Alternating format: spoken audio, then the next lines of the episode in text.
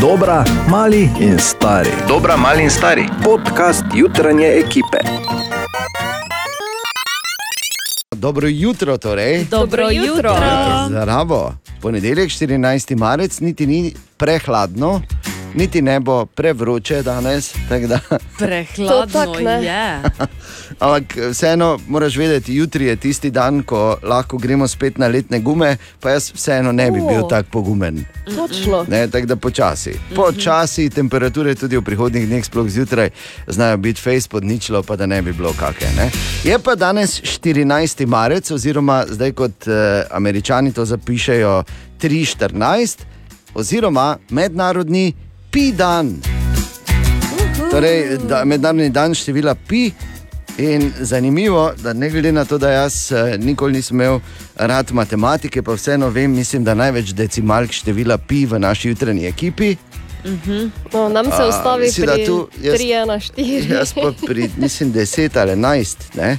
3,141, 9265359. ne? Okay. Tako Ja. je, mislim, da. Tak, evo. Si me preveril, Bor, vsako leto me preverja, veš. Hvala sem te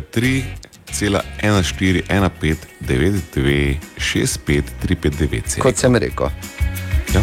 To je koliko decimalk, to je nekaj 10 se meni zdi. Ne? 1, 2, 3, 4, 5, 6, 7, Okej, tu 8, smo. 9, 10, 11. Yes, bravo. Vsako Bravo. leto bi eno dodati. dodaš. Ja. Ja, res je. Bor, ti bi, Če bi bil- dosti vedeti. V Bor bi mogel vedeti več kot gospod Pi. Se hočem naučiti izpostavljati, ampak se tukaj kliknem dvakrat, pa imam ogromno. Ja, res je. Svetovni rekord pa je tudi nekje taka cifra, da te, da te vrže na hrbet in te ne poberejo več. Uh, v vsakem primeru pač zanimiva uh, zgodba, lahko se greste tudi v pisarni zjutraj, kdo ve več decimalk pija.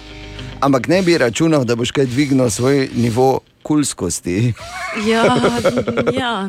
znotraj delovnega tima. No, tako, Katja, zdaj pa je čas, da osmislimo to uh, nestrpno čakanje, uh, da vikend mine. Horoskop tako. za ta teden. Tako. Kaj nas čaka? Ovne, reci, oziroma ovni, boste naredili korak naprej. To bo za vas, eh, oziroma ta bo za vas zelo pomemben. Prevzeli boste vlogo voditelja in eh, sprejeli boste odločitve, kako se bodo stvari odvijale naprej. Zelo uspešen teden je pred vami.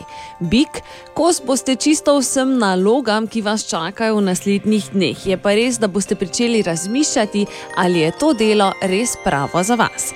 Dvojčka, negotovi boste. Ne boste popolnoma zadovoljni s tem, kje trenutno stojite.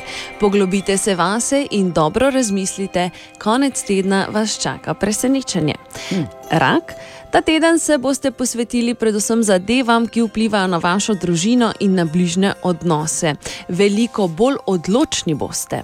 Lev, vaš fokus bo ta teden neverjeten, nič in nihče vas ne bo uspel zmotiti. Pazite samo, da boste zasledili namik, ki vam bo namenjen. Devica, niste najbolj prepričani, kaj točno si želite in kaj potrebujete. Tudi ta teden vam še ne bo prinesel nekih resnih odgovorov. Zaupati boste morali svojemu šestemu čutu. Tehnica. Zelo radovedni boste, želeli si boste veliko več, kot pa vam je ponujeno, zato boste vzeli vajeti v svoje roke. Ja, ne bom kozlov, Vzel si boš. vajeti. Ja, tako da pasite, kobile in uh, konički. Okay. Okay. In osli in oslički. Ne? Veš, kak ti lepo veš, Bor.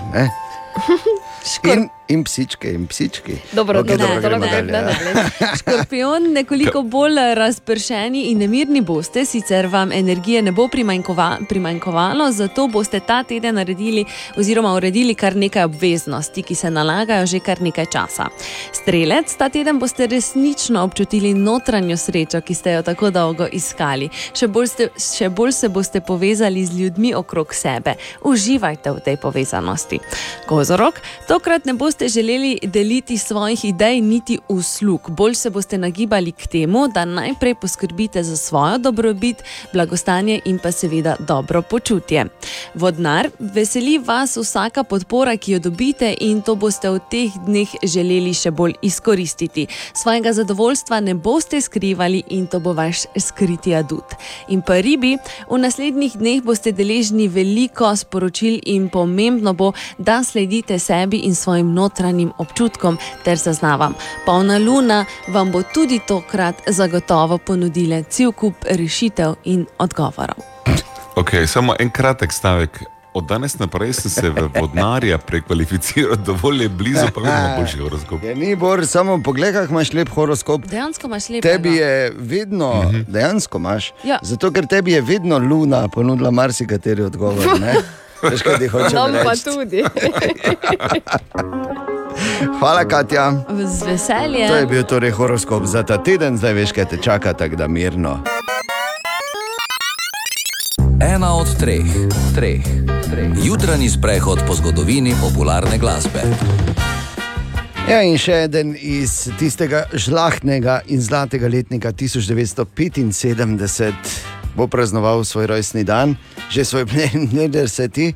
In Da- sicer vem skozla. Kdo med nami je 75-letnik? O, Ona to je ni, pač lepi Jaz nisem, O, Katja To je ni. tako žlahtna, to je bila.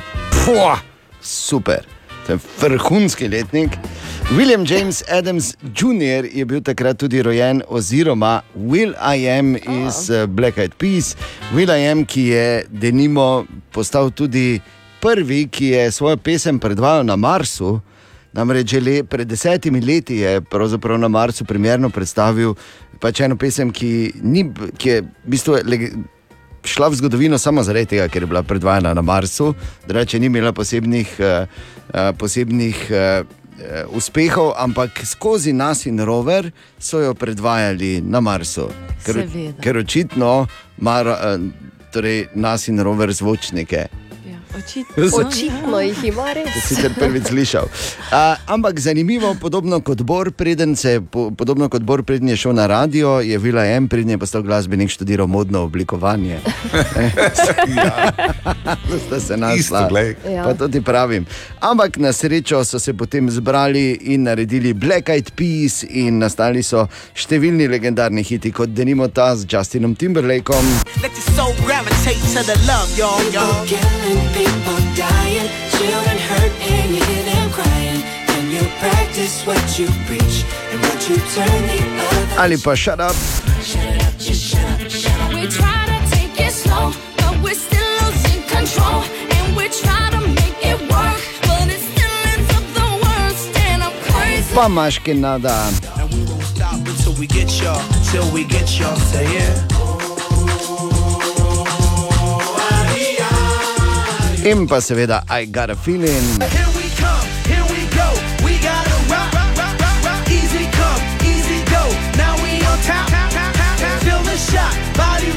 Rock it, don't stop.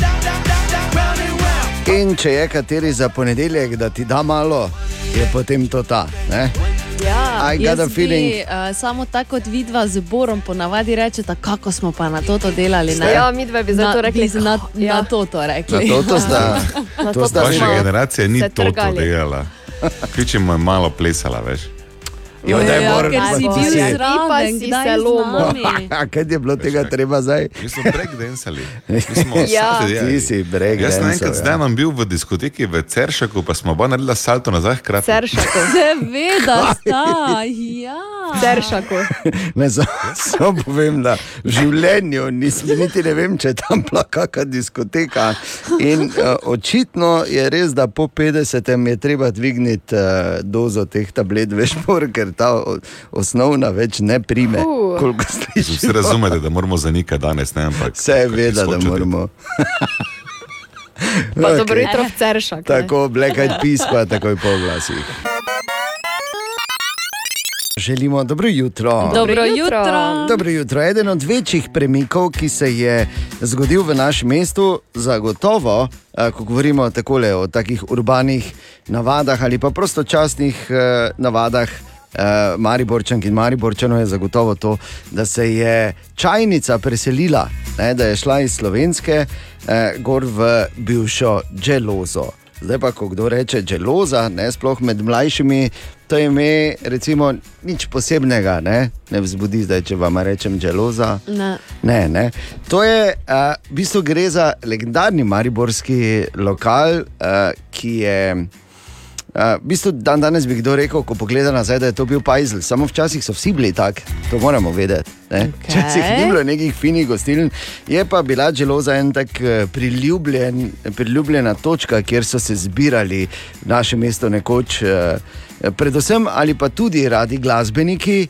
In uh, zato smo, če hočemo, da seveda veš, zdaj ko boš šel po novem v čajnico, kam v bistvu hodiš, da hodiš bivšo Dželozo, smo o tem uh, govorili z Alfijem, s kom pa bi z drugim uh, iz našega mesta, legendarni glasbenik, dal kar nekaj skozi, tudi v Dželozi in smo vprašali Alfija, po čem si je recimo on zapomnil ta legendarni mariborski lokal. Džilozo je eden od tistih lokalov, kjer smo glasbeniki se radi ustavljali. Tam smo se res nekako določeni, eh, eno določeno število se je vedno zbiralo tam, pa ustavljalo. Potem v tistih poletnih časih tudi malo od zunaj. Tako da mi je zdaj zadnje cajt, ko je bil uh, zaprt ta lokal, mi je kar nekako manjkalo. Sem šel mimo, a ja, sem rekel, se to ne more biti na kafe, je zaprto. Ne? Mislim, ker to je nostalgija za lokali, kjer eh, smo se zbirali. Naprimer, zaboli me, ko pridem tu pred Ostorijo, pa vidim, da orla več ni. Ne? To je, to je zgodovina, mislim, eh, in to premalo uh, upoštevamo to in premalo ohranjamo tiste znamenite točke v enem mestu. Ne. Naprimer, jaz sem vedno, eh, če sem se s kom v Avstriji pogovarjal, sem rekel, kje se dobimo. Ja, dobimo se ali Džilozo ali pa pri eh, Orlu. Ne. Tako. In zakaj je recimo med mariborskimi glasbeniki takrat moramo vedeti, Maribor je veljal za jugoslovanski Liverpool, kar se glasbe tiče. Uh, in frizur in vsega jasno, ampak zakaj je bila včasih med glasbeniki tako popularna? Ker je takrat se, se največ glasbenikov tam zbiralo, vedno je bil plac, vedno si lahko se vsedel. Uh, velika šaba je bila, ven si videl, kdo pride, kdo je od zunaj, kdo gre mimo. Uh, kaj jaz vem, kaj je poglavitno za en lokal, da si dobi eno tak, da si dobi en renome, da potem ljudje radi zahajajo noter. Verjetno mora biti nek magnet, neka, neka, neka stvar, ki te vedno potem nekako eh, vabi in ah, grem pa želo za na kafe. Ne? No, evo. In da veš, da je ponovem, ko greš v čajnico, da pravzaprav eh, greš v lokal, ki je pomemben del, del mariborske ali pa razvoja mariborske popkulture in identitete. Ne? Da smo si na jasnem. A, je pa še ena stvar, za katero smo Alfija vseeno vprašali, ker je omenil Orla, uh, pa Astorijo, zdaj tudi Orl, če rečem vama, verjetno. Uh, Ne veste, o čem No, govorim. za, ne? za Ja, splošno ptica, ne? razgleda, ja. za splošno razgledanost, ja, ampak mi dve smo res napačnega časovnega. Ja, ja, ja, ampak to je bil ta Medtem ko je nekdo med nami tam jedel največje šnice na svetu, ker v Orlu so, So bili- šnice. Šnicli? Ja, Orl je bil ja. hotel v bistvu, ne, ja. na Grajskem trgu, kjer je zdaj od spodaj ena trgovina z oblačili. A. Ta stavba je bil Orl, in na strani je bil Orlova klet, kjer so pač seveda hodili. In smo Alfija vprašali, ali pa je tam recimo mogoče kakšna anekdota. In je povedal anekdoto o Kelnerju Maxu. Ja, jaz sem hodil 50 let korlo, pa tudi se zdaj ne spomnim nekih hudih anekdot, razen enega kelnera Maxa, ki je prišel, pa te po hrbtu obrisal in to je bil znak, da mu moraš pericer plačati. ne. On te je malo je rekel, kam imaš tu gor, tako te je malo po, s tistim, tistim prtičkom, prtičkom je malo obrisal in to je bil znak, češ, da, more, a, da daj za Maxa eh, špricer ali pa. Dobra fora, ne? Nekdaj smo bili, veš, sploh kelneri, so znali biti eh, pravi korajberi tu, ne, v našem mestu.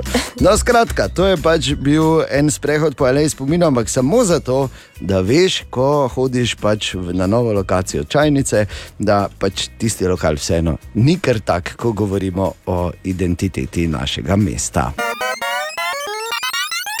In ko recimo tako malo človek lista po uh, naslovih, veš, uh, najdeš naslov da, ali pa informacijo, da medtem ko se uh, v številnih zahodnih državah pogovarjajo o tem, da bi samo štiri dni na teden delali, Uh, Ker recimo eni že vse skozi, zdaj ko ta neto pogledaš, eni niti dva dneva ne spravijo skupaj. Ne?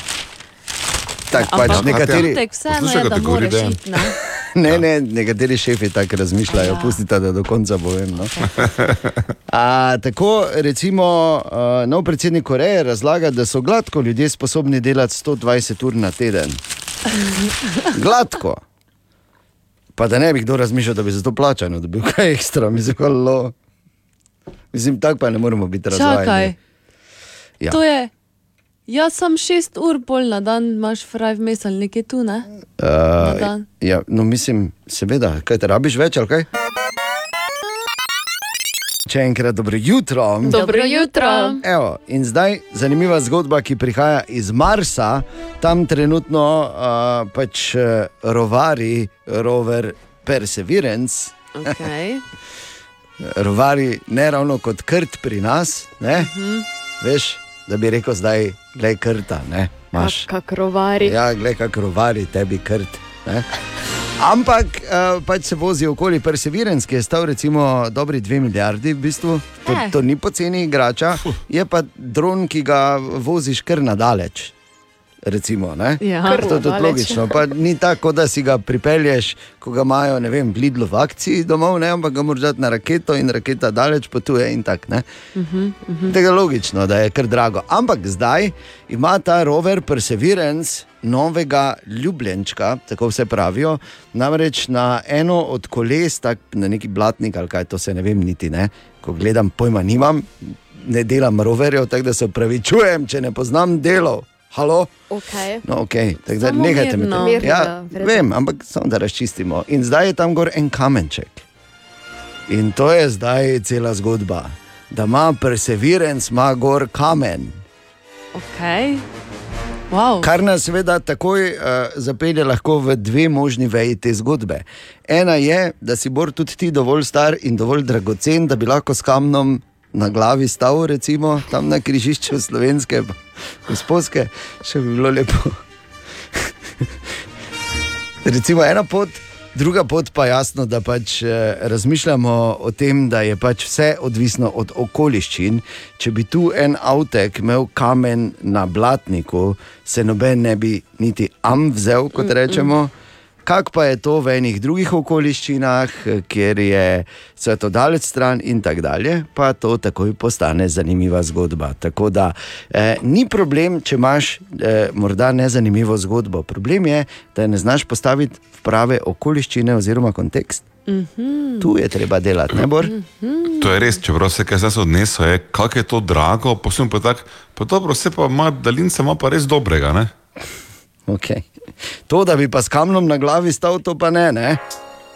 Bi nas vse razveselil s tem. Tom Grennan, Little Bit of Love, je to, je to, kar je očitno nekaterim, ko pogledamo aktualno dogajanje na svetu, akutno primankovalo, ko so bili mali. Ne? O, Tine! Tine, dobro jutro. Ja, O, dobro Tine, jutro. eh, Ni Dobro mislil jutro. tebe, če si mislil. Dobro jutro. Dobar Tina. meslo, si hvala ti, Bor, da si razloži. Bor, Da ne bi, ja, le kaj, če si zaspan zjutraj, si lahko marsikaj na sebe se vzameš, pa si. Bor, pogovarjala sva se, danes bi morala mi dva vaditi akcijo Zadrži misli za sebe. Tiha Maša, Ne, ne, ne, ne. Svet je tu, kjer je, ravno zato, ker ni dovolj transparentnosti. Pa si pa vsak misli, da Joj. nekaj drugi misli, pa pa ne ve, kaj je mislil, in potem vsi mislijo, da je drugače. Čakaj, sklopim Tine, pa samo stopen, reči.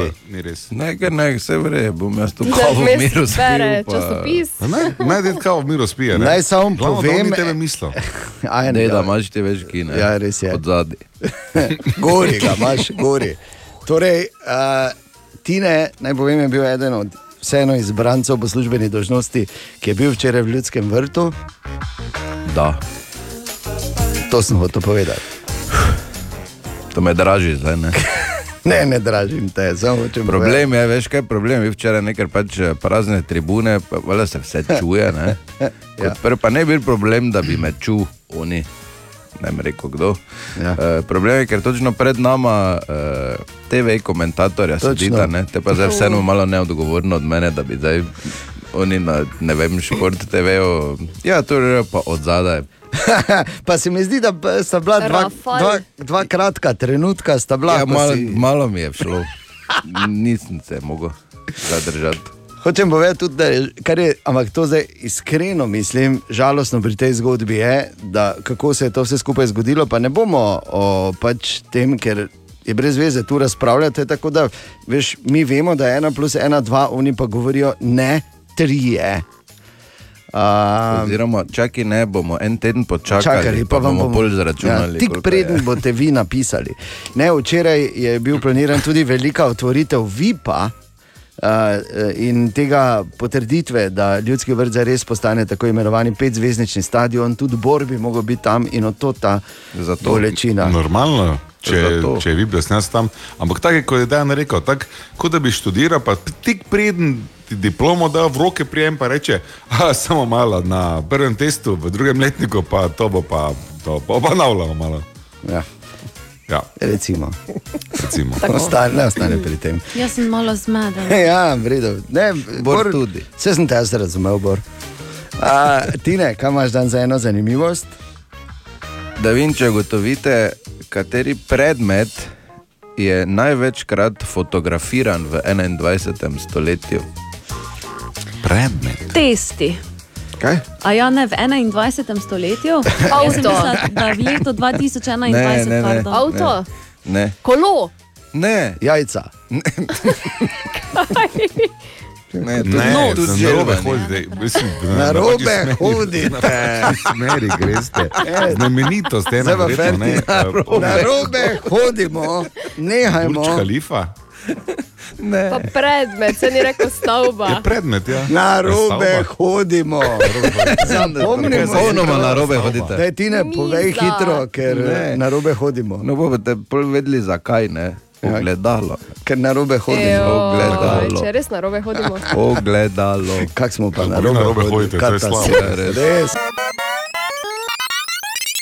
Kviz brez Google. Oh -oh. Ja, danes se pa začenja en prav poseben krog v našem kvizu brez Google. Moramo vedeti, prihodnji torek, 22. marca, je Mednarodni dan voda in zato se je Tomaš Medvar, ki je izvorni ekolog in pa vodovodar po duši, odločil, da bo seveda izobrazil oziroma da bo uh, povedal več o pomenu seveda, eh, Voda, brez vode ni življenja, to je menda jasno. In recimo dejstvo je tudi, da imamo v Mariboru, odkar imamo centralno čistilno napravo od leta 2004, dosti bolj čisto reko, ki teče potem uh, od Maribora naprej, pa tudi skozi naše mesto. In uh, ja, zato seveda tudi, če želi spoznati eh, to centralno čistilno napravo podjetja Aquasystems na eh, da, Mednarodni dan voda, 22. marca vabi na dan odprtih vrat, ampak to seveda ni razlog, da ne bi kdo kaj zaslužil. Je tako, Tomaš? Dobrodošli v posebnem Aquasystemsovem kvizu brez Google. Danes sta z mano Viktor. in Marija. Viktor in Marija. In Marija, ok. Ali sta pripravljeni? Ja. Gremo. Najlažje vprašanje za 10 evrov. Katera je kemijska, molekulska formula za vodo? H2O. H2O, bravo, že imate 10 evrov. Gremo malo teže, za 20 evrov. Če slučajno veste, s katerim kemijskim elementom se dezinficira voda. Hm? Kaj že? Včasih lahko, včasih Aha, lahko alkohol, zavohamo. alkohol. Ni alkohol. Recimo, če greš na bazen, včasih. A, hlor. Klor, klor, bravo, že imata 20 evrov, super. Gremo še teže za 30. Ali veste, v katerem kraju se nahaja centralna čistilna naprava Maribor? Očitno ni v Mariboru, ne? Uh, malo ven z Maribora. uh, Ptuj. Ni, Ne? Ptuj. Tako ven tudi ni, malo bliže. Uh, Kaj bi bilo? okoli A? Maribora. Uh, ne, Ne bi šlo. ne. Zaključimo. Ajde. Ajde, zaključimo 20 evrov vajnih čestitke. Centralna čistilna naprava Maribor se pa nahaja v Dogošah. Že kdaj slišal? ja. Malo ven. Hvala za igro, no? pa veste nekaj novega. Ne? Okay. Lepo bo ta, adijo. Adijo. In je ostalo še najtežje vprašanje, in sicer na kateri datum obeležujemo Svetovni dan voda? Hm? Ja, to smo seveda povedali, 22. marec, ko ima Aqua Systems tudi dan odprtih vrat na centralni čistilni napravi. In to, to je vprašanje, ki je ostalo. Glavno vprašanje pa je, zakaj vlačiš not ljudi, ki ne vejo za dogoše. Kviz brez Google. Oh -oh. Tako ponedeljek je, kar pomeni, da je včeraj spet bil naš eh, nedeljski kviz na Instagramu, ki ga popularno imenujemo nedeljski kviz na Instagramu. Wow. Nekaj tak, nek, je tak, ne? Tako je. Ne, popularno, gledaj, popularno in kvalitetno ime. In uh, tu pač preverimo, če si natančno poslušal ali poslušal. Če pravilno odgovoriš na uh, vsa vprašanja, si v Bobnu in Katja je žreba nekoga, ki dobi majico Radio City. Mhm. Če bi morala na kratko potestirati, recimo koga tu v studiu, bi izbrala katero vprašanje. Mm, seveda ne naše. Ne? Pri Nataliji in Tinetu smo se naučili, da mora objem trajati kako dolgo. A od 1 do 2 sekundi, vsaj 5 do 10 sekund, več kot minuto. Eh, ena do dve sekundi, ne bi jaz Ne. rekel. Ne. Kaj? Od Pa 5 pet do pa je 10 težje jo stisneš Sekund? za pet, ne? Ja. Mislim, če bi jaz odgovarjala, bi rekla več kot minuto. ampak okej. Lepo. Ne, po 5 do 10 sekund se že lahko tudi zgodi reakcija. Ne, zato- Ne, okay, razumem, razumem. Ti ne je to povedal, razumem. Torej, kdo je pravilno odgovoril na vsa vprašanja, Katja? Na In... vsa vprašanja je od, pravilno odgovorila Vanja Jurič. Bravo, Vanja. Evo, to je to, pa spet naslednjo nedeljo. Želimo dobro jutro. Dobro jutro. jutro. Pozdravljeni, 15. marec je danes, torej dan, ki se v zgodovini ni tako dobro, uh, mislim, ni zapisal lepo v spomin Gaju Juliju Cezarju. To so tako imenovane marčne ide in vsi vemo, kaj se je zgodilo na ta dan. Češ, eni so imeli več, drugi pač manj sreče. Morda čisto za začetek, samo en namik. Če želiš danes, recimo v službi ali pa kamorkoli prid biti, oni sodelavec, veš, oni, ko si misliš, vsi kaj, pa, po pa se nasmejijo in ti nudijo od malice do vsega.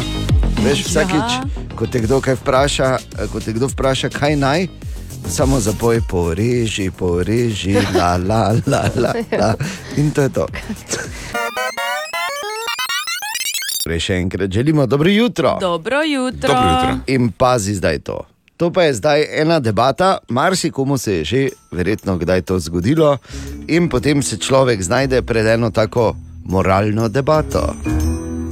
Tu se zdaj ne gre, tu zdaj ne gre za to, tu se zdaj ne gre. In mi gledamo, ko se ne gre. Gledamo, Tu no. zdaj ne gre, ko se, eh, ne gre za neko moralno debato, Mhm. ampak samo tako, da si lahko pomagamo, če se slučajno kdo znajde v taki situaciji, zato debatiramo o tem na naših družbenih omrežjih danes zjutraj. In sicer, kaj narediš, če vidiš, da a, je v trgovini nekdo nekaj ukradel? Seveda, zdaj ne govorimo, da si v trgovini z bagerji in gledaš, kako en bagerja nalaga na svojo prikolico tam zunaj. Ker pač, ali pa v trgovini s kombajni. Um, obstaja trgovina s kombajni, mimo grede in delovnimi stroji, ne bi jih domislil. E, seveda obstaja. Samo tam pač teže, ne pač kombajn Ven neseš, kradeš. ne? Pač teže greš neopazno ven. Ne? Imaš ljudi, ki recimo iz tega naredijo mini šport, veš, zato da pač vzamejo kak eh, žvečilni gumi ali kaj podobnega, kako nepomembno malenkost. Imaš pa pač take, ki, no, kakorkoli. In kot sem dejal, to zdaj sploh ni debata o tem in ni debata o nobenem tožarjenju, nobenih zgodbah, nič, ampak samo kaj narediš. Ali pa kakšni so občutki, ko vidiš, da nekdo naredi nekaj narobe, kaj narediš. Še enkrat, ni prav in ni narobe, in nihče nič ne obsoja. ker vidim, da je Bor tako počasi začel že. Ja, dobro, no, mislim. Pa Ne, dobro, no. V resnici ne ljubim, bi jaz bil tiho, ne, tako bi bil samo. "A ja, glaka." Glej ga, ne, a ti, oho, glej ga, glej ga, Oziroma, glej ga. Običajno v teh situacijah. Banda. tako- Ne, pa, pa daj, da je, no pa res ne rado. Ja, jaz sem definitivno najslabši glede tega.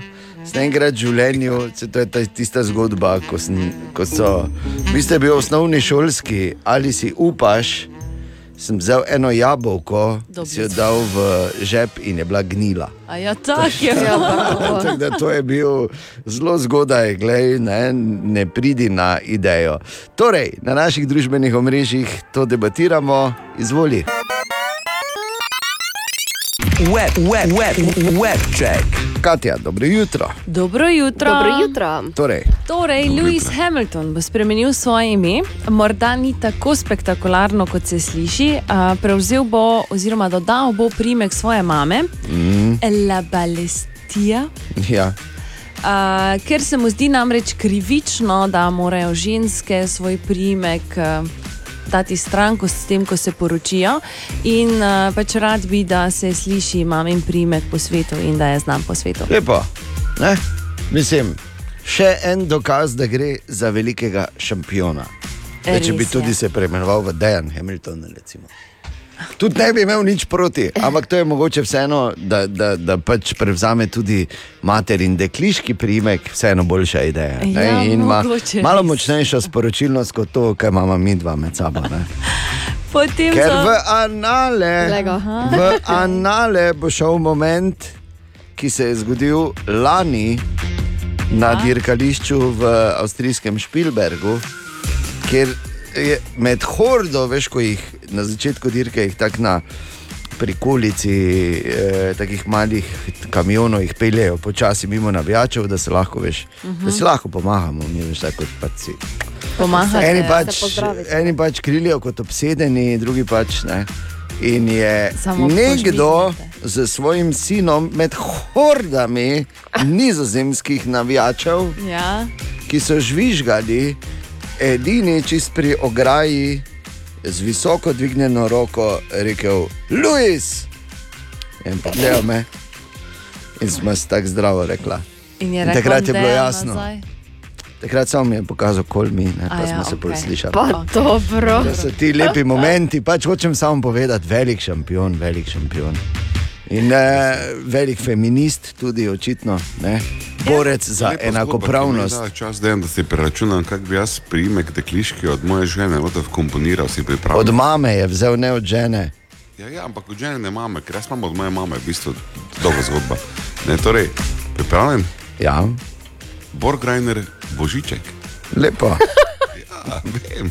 Znano dejstvo, v bistvu nič ne bi, Ja. če bi se ne bi nič spremenil. Lepo. Torej, Katja, nadaljuj. Grem še sploh naprej. Ja, eno stvar še lahko poveš, Um, Za vse, ki obožujete umetnost, spro, sploh Frido Kalo, eh, super novico imam za vas in namreč v Tržaškem salonu umetnosti so pripravili razstavo z naslovom Frida Kalo il Kaos dentro, torej predstavljajo v bistvu njen, njeno kaotično življenje. Do 23. julija si jo lahko ogledaš. In pa Doli Parton je rekla ne. Večkrat že ne bor. Žal. Desetletja že nazaj. Okay, no, ja. kaj imate vi, ne vem, ampak bila je nominirana za vstop v Rock and Roll Hall of Fame in uh, je rekla: Ne, nisem še dovolj dobra, ne sprejmem, Kaj? ne bom Ja. ja. še tam. Pametno. Viš, ona se zaveda, kje so njene prave kvalitete, Joj. da petje ni ena od njih in lepo. Tako da še enkrat, mm. bravo doli, kar se pa Fride Kalo tiče, eh, ba, več skupnega z Borom, kot bi si mislil, najbolj Fredi Miller obrl, ne, tu sta pa v eno. No. Web check. Katja, Ana, Bor in Dejan smo tu in želimo dobro jutro. Dobro jutro. Ja, lepo pozdravljeni. Danes je mednarodni dan potrošnikov, si rekel, Bor, ne? Ja. In eh, zanimiv izraz je uporabil, eh, da so nekateri digitalno ranljivi. Zelo zanimiv izraz sem pa razmišljal o tem, kako je to dan danes, kako daleč smo prišli. Če te nekdo rani digitalno lahko boli še dosti bolj, kot da te pod rebre dregne Oh. fizično. Ne, Tako da, O, ja. pazi se. In gremo malo v prihodnost spet. Če smo že govorili o digitalni ranljivosti in o tem, kako moramo paziti, sploh v teh časih, eh, verjetno tudi poročajo seveda, o, o večjih teh digitalnih eh, napadih, oziroma o hekerskih napadih, tudi zaradi tega žalostnega dogajanja eh, v Ukrajini. Pa je še ena stvar, da eh, veš, ko pravijo, da avtocesta ne prinese samo dobro v kraj, ne, pri- ne Katja. Zakaj te govoriš o tem zdaj, če ni v redu? Ne prinese pa tudi ne samo slabo. To je, ja, res je. In tako se spreminjajo. Eh, obstaja ena statistika, ki pravi, da približno 70 odstotkov vseh služb, ki bodo, ali pa poklicev, ki bodo čez 10 let, zdaj še niti ne obstaja. Mhm. In počasi se razkrivajo, in tu je še en, če razmišljaš, ker zdaj jaz vem, da Bor je, če ne drugače, notranji arhitekt po duši. ne? Ja. Izjemen z Ja. tem občutkom za. Uh, potem imamo Ano, iztezna krajinska arhitektka v, v svojem bajnem, pravzaprav rajskem vrtu, ki ga še nikoli ni pokazala. Samo pač razlaga, kak je in opisuje in obljublja, noben še ni videl. Glej. In pa mi, dja, mi, mi dva s Katijo, ki pač eh, prihajava eh, oba iz tako imenovanega ruralnega okolja in imava pač, vemo, kaj je delo. Pa- Ja. Tiha pa daj. To je klasično krajinarje. Ne, ampak kar hočem povedati, če razmišljaš, uh, kam bi ali kaj bi svetoval, recimo mlademu ali pa mladi dijakinji, eden izmed poklicev prihodnosti, ki se odpirajo in niso več tako daleč stran, so arhitekt v metaversu. Kajti, kot vemo, v metaversu se bo marsikaj dogajalo, in uh, tudi nepremičninski trg se tam že oblikuje. Prve parcele so že bile prodane, digitalne parcele, jasno, da v metaversu. In zdaj, ko bodo tam parcele, bo na teh parcelah nekaj moralo zrasti, da ni samo tako parcelo imam. Tako veš, tako so rekli v 80-ih, to ni imelo neke resne vrednosti. Dan danes, ko rečeš parcelo, imam opala, kaj je gradbena. Ja. Pa Ne, ima in že takoj. ding, ding, ding, ding, ding, ding, ding, Mhm, ding, takoj ding, ding, zraste, ding, ja. ding, ja. Kdo zdaj najbolj gradi, čakam, da me pokliče, ne? Ker imam parcelo, šest dvojčkov. A, tako te digitalne parcele v metaversu bodo pač morale uh, pač biti pozidane. In da bi to pač čim bolje izgledalo, se že oblikuje torej poklic arhitekta v metaversu, delo od doma ali pa od kjerkoli, ne, kjerkoli se lahko vsedeš, pa si daš gor ta vija ročala, pa oblikuješ, zidaš, gradiš. Delaš vse živo, seveda, verjetno se bodo oblikovala tudi neka pravila, kaj je lahko in kaj ne, ampak eh, hočem povedati, ne, kdo bi si mislil. Včasih so pa rekli, malemu borčiju, moraš skozi zid v ta računalnik, nikoli ja. ne bo nič iz tega in iz tebe, če boš to delal. Tako. Ok, si boš pokvaril. Ja, ne, oči si boš Jaz pokvaril. bom metaverse arhitekt. Ja, ampak eh, takrat bi bilo tako, da bi Kitajsko razlagal, dan danes pa je to v bistvu nekaj, kar je precej realno. No? In eh, čeprav mene osebno iz večjih razlogov, zato ker je največ, kar sem sposoben narisati, na eni strani matematični ludek, da sem zelo, zelo daleč od arhitekta. Ampak vseeno, glej, če razmišljaš, kaj početi in kaj se bo delalo v prihodnje, to bo zagotovo eden od eh, tistih poklicev prihodnosti. Jap, tu smo. O, Tine! Ja, Tine, dobro jutro. Ja, dobro jutro. Živijo. Dobro jutro, ti. Ki smo, go, go, belly riders, go. A, to je ta skupina. Ne? To je skupina, ki. Za katero se je Bor včeraj razglasil kot ustanovnega člana. Pa prosti, samo malo, gledaj, kolo imam, ne, ne prevozim z njim več kot 10 km v pol leta. kaj imam trebušček. Ja, Da si lahko član neustanovni. Jaz sem, jaz sem usta, ne, ustanovni član. Okay, ker- samo malo za vse, ki ne vejo. To jaz bil pa zraven. Za vse, ki ne vejo, zakaj gre. ker zdaj ker tu uh, se nekaj pogovarjamo. Obstaja ena skupina, ki jo je ustanovil Tine, imenuje se Belly Riders, eh, združuje pa Tine ta skupina koga? Kolesarske navdušence, amaterske. Ki- ki niso profesionalci. Zaradi mene je lahko tudi profesionalec, kaj pride. Ne? Samo pač, eh, V pozni fazi kariere. Pač radi se vozimo, eh, radi govorimo, radi kaj pojemo, radi kaj spijemo. Eh, Tako.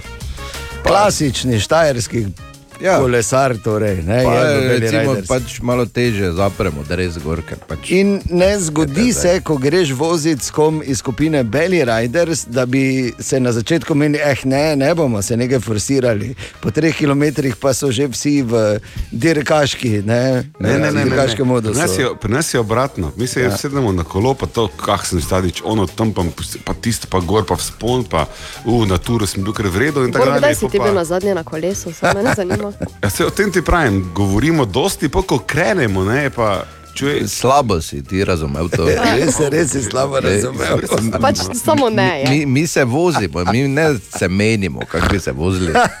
Ja, ampak najprej se menimo, potem se vozimo. Ne, Ne, se kar veliko. Mi se zmenimo, da Samo se gremo v upravnem odboru Beli Riders tu piše do nesoglasja na javnem mestu. Ja, vuntem kikno, če že glasno. Počasi. Sploh ne vem, kdaj sem te zbrejal. da- Na začetku, če sem stanovni član, kaj je stalo? Ti si vsega ustanovi član, če si star, tako to zdaj tudi ne velja. Ja, vidiš. Okay, skratka, poišči, če te zanima, pridruži se, dobrodošel oziroma dobrodošla. Zraven. Sem, samo Ja, ja, pač jaz, si. ker nimam Facebooka, pač sem tak, da smo se Ja, zmenili, da sem zraven. Podpornik, Tudi ja, tega ne uporabljam. Tako da pač jaz sem zraven, ker sem rekel, Ti ne. pošto poslal, dobro. Ja, po pošti. Ti Pa ti slike po pošti pošilja. Ne, ti ne mi SMS pošle, kdaj imamo. Pomembna stvar, zdaj, da ne boste mislili, eh, da ne boste mislili, zato ker sem jaz noter, ne, da morate biti ekstremno slavni, bogati in lepi. Zdaj, ne, ne, ne. Vzamemo vse, samo da imate radi Vzamemo, Čistimo te stvari. vse. Okay. Zamemo vse. Dobro, tako da toliko vse. o Belly Riders smo naredili v redu uh, reklamo. Super, hvala lepa. Ja, ni problema. Uh, ti ne, kaj boš pa dodal? Poiščite nas na Facebooku. Daj nehaj. No. Dodal bom eno japonsko zanimivost in sicer, eh, to je za vaju dve, Oj, oj.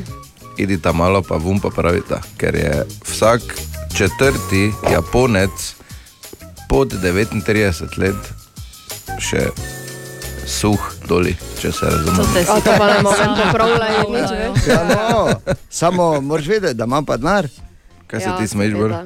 Ja, Ja, ker pravi Beli Rider nikoli ni suh. Ne? to se zdaj ni se dobro slišalo. plus, Ne, ne, ne, ne. ne. Aha, aha, aha, aha, aha, aha, efekt. Ja, Bor danes v aha efektu odgovarja na vprašanje Nike, ki jo zanima, zakaj olivno olje imenujemo deviško oziroma ekstra deviško. Kaj točno to pomeni? Bor, Torej, deviško originalno pomeni nekaj, kar še ni bilo vpleteno v spolnost. Čisto. Ampak ja, čisto, potem tem prenesenem, potem ne, nepokvarjeno, nedotaknjeno. Uh, in iz Mit, te- mitološko, Ja, no, glej, iz pravzaprav, ven, ne, ko gledaš tudi posvojili, posvojili mnoge izraze, kot je deviška zemlja, deviška volna, deviški gost.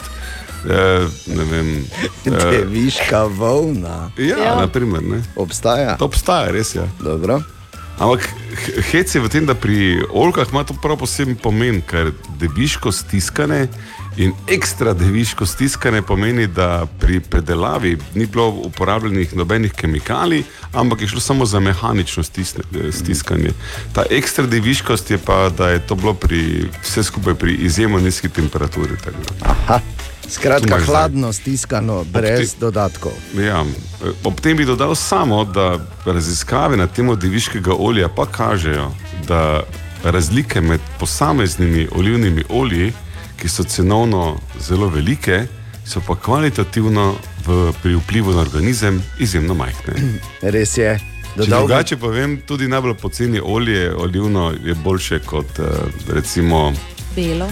Ne, ni toliko slabše od najdražjega, ne, kot je razlika v ceni, to si hotel povedati. Ne? Ne, katerokoli olivno olje boste uporabljali, je vredno. je. Tako, evo.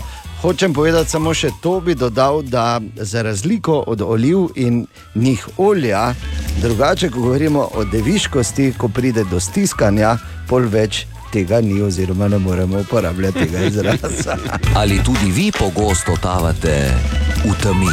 Aha, efekt, da boste vedeli več. Tudi danes zjutraj je z nami naš primo novinar Matej Šoba. Dobro jutro, Matej. Dobro jutro. Dobro jutro. Ja, pozdravljen. Matej, torej, uh, vseeno nekaj dobrih novic na temo cen goriva, da torej ne bo treba za vsak primer vedno znova še skarnistri stati. ne? Ja, zdaj zgleda, vsaj za nekaj časa bo tako, ker ti vlada včeraj vseeno določila te najviše možne cene na benzinskih črpalkah. eh, In sicer eh, tam na evro pa pol, eh, dizel nekaj malega več, ampak eh, dejstvo pa je seveda, da na dolgi rok je to eh, slabo na več načinov. No. Eh, Dobro, na kratki rok, seveda za potrošnike, kajti drugače, če ne bi bilo te intervencije vlade, eh, bi bil verjetno dizel danes nekje okoli evro 80, že benzin ja. tudi že preko evro 60. Tako da to je bilo pravzaprav nujno potrebno, kajti smo se že približevali recimo tisti točki, ko ljudje vseeno precej spreminjajo vozne navade. In gospodarski minister Počevalšek pravi, da bo to zdaj začasno za en mesec. Mi bomo ukrepali, ko bomo videli, kam bo šla situacija eh, z nabavno ceno goriv. V tem trenutku smo pa eh, cene zamrznili na sedemdnevnem povprečju.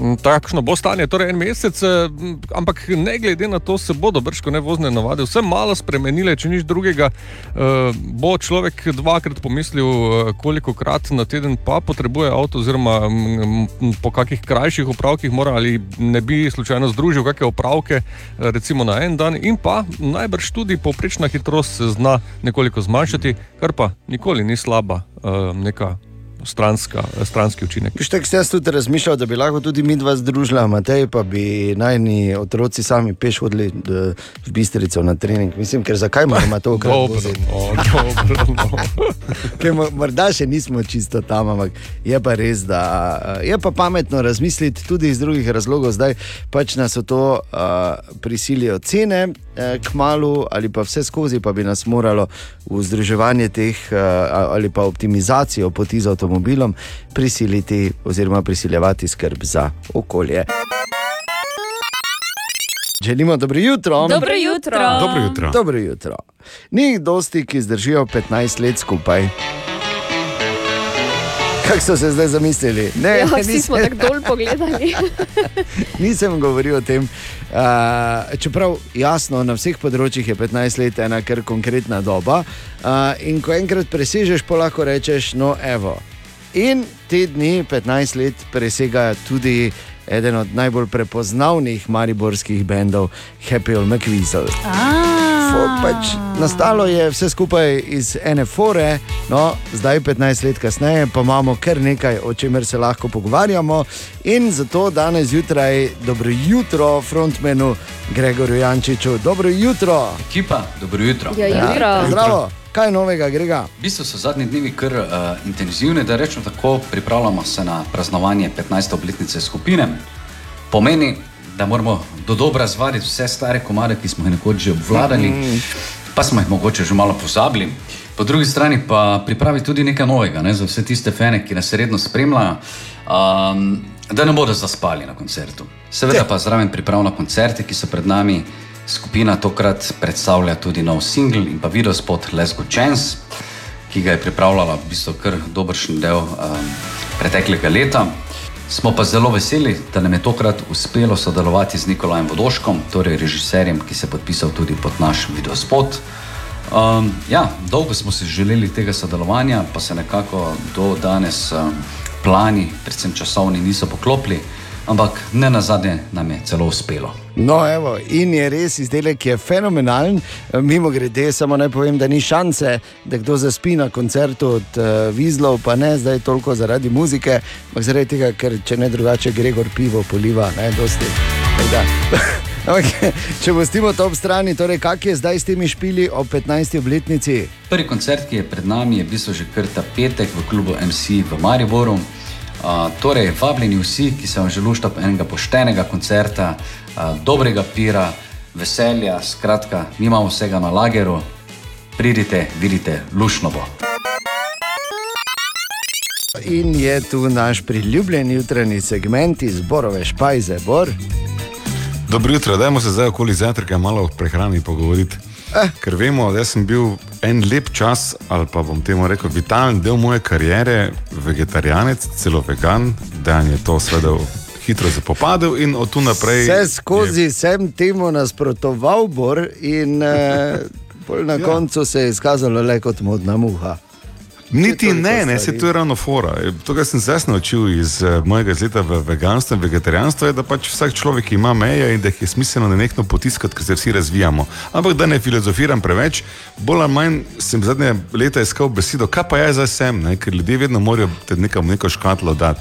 In zdela se mi je simpatična domislica, da sem jaz meso jedi vegetarijanec, na kar zadnjič, ko isto foro zopet prevalim, on pravi, ne, ti si fleksitarijanec. Vem kaj? Okay, fleksi, da je vse odnjem fleksarce doma, kaj je to. In sem šel gledati in res obstaja definicija.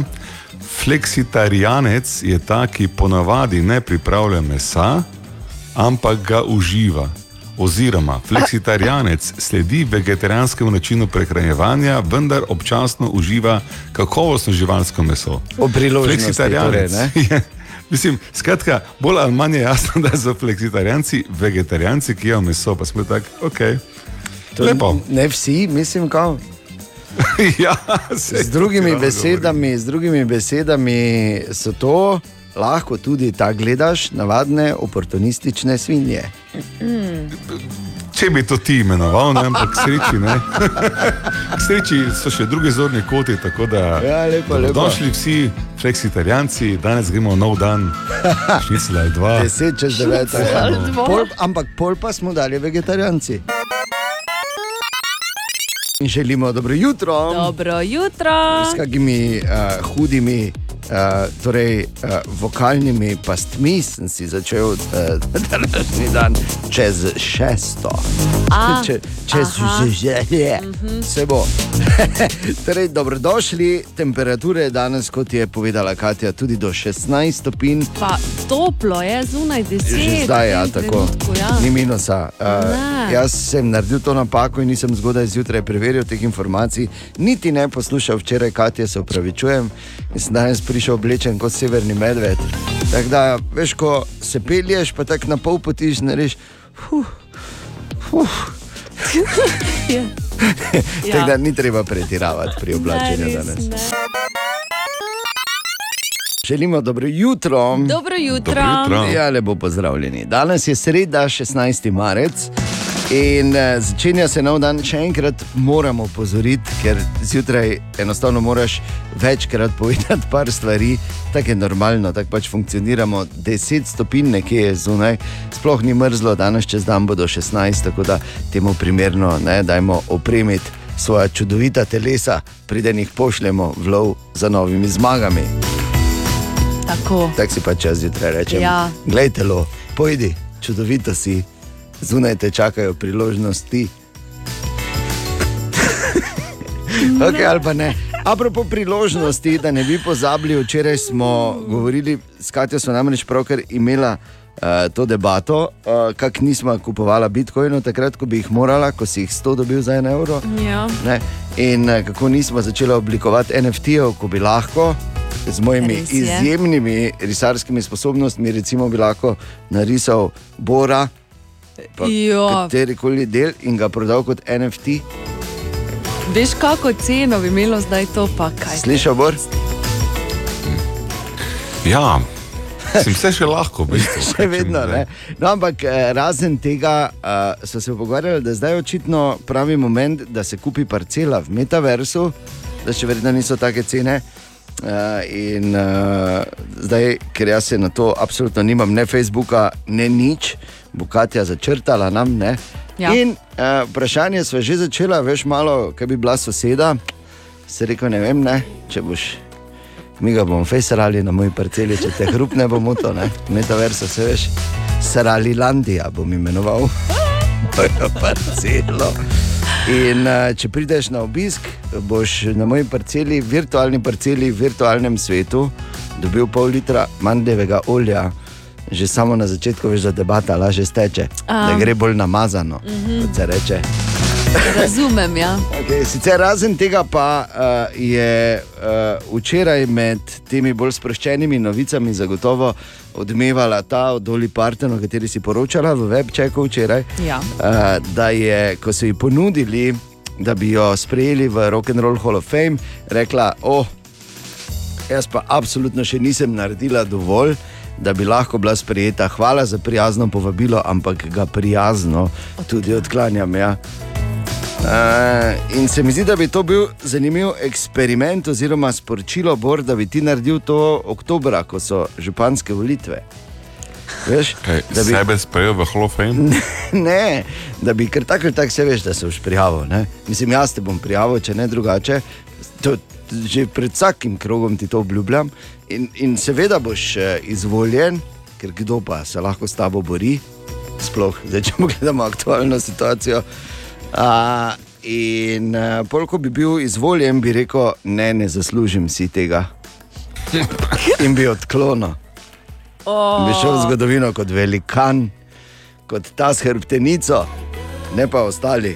Pa tako so ga hitro pospravili. Ne? Pa dobro, uh, ampak se vseeno, da bi recimo, uh, imeli nekaj.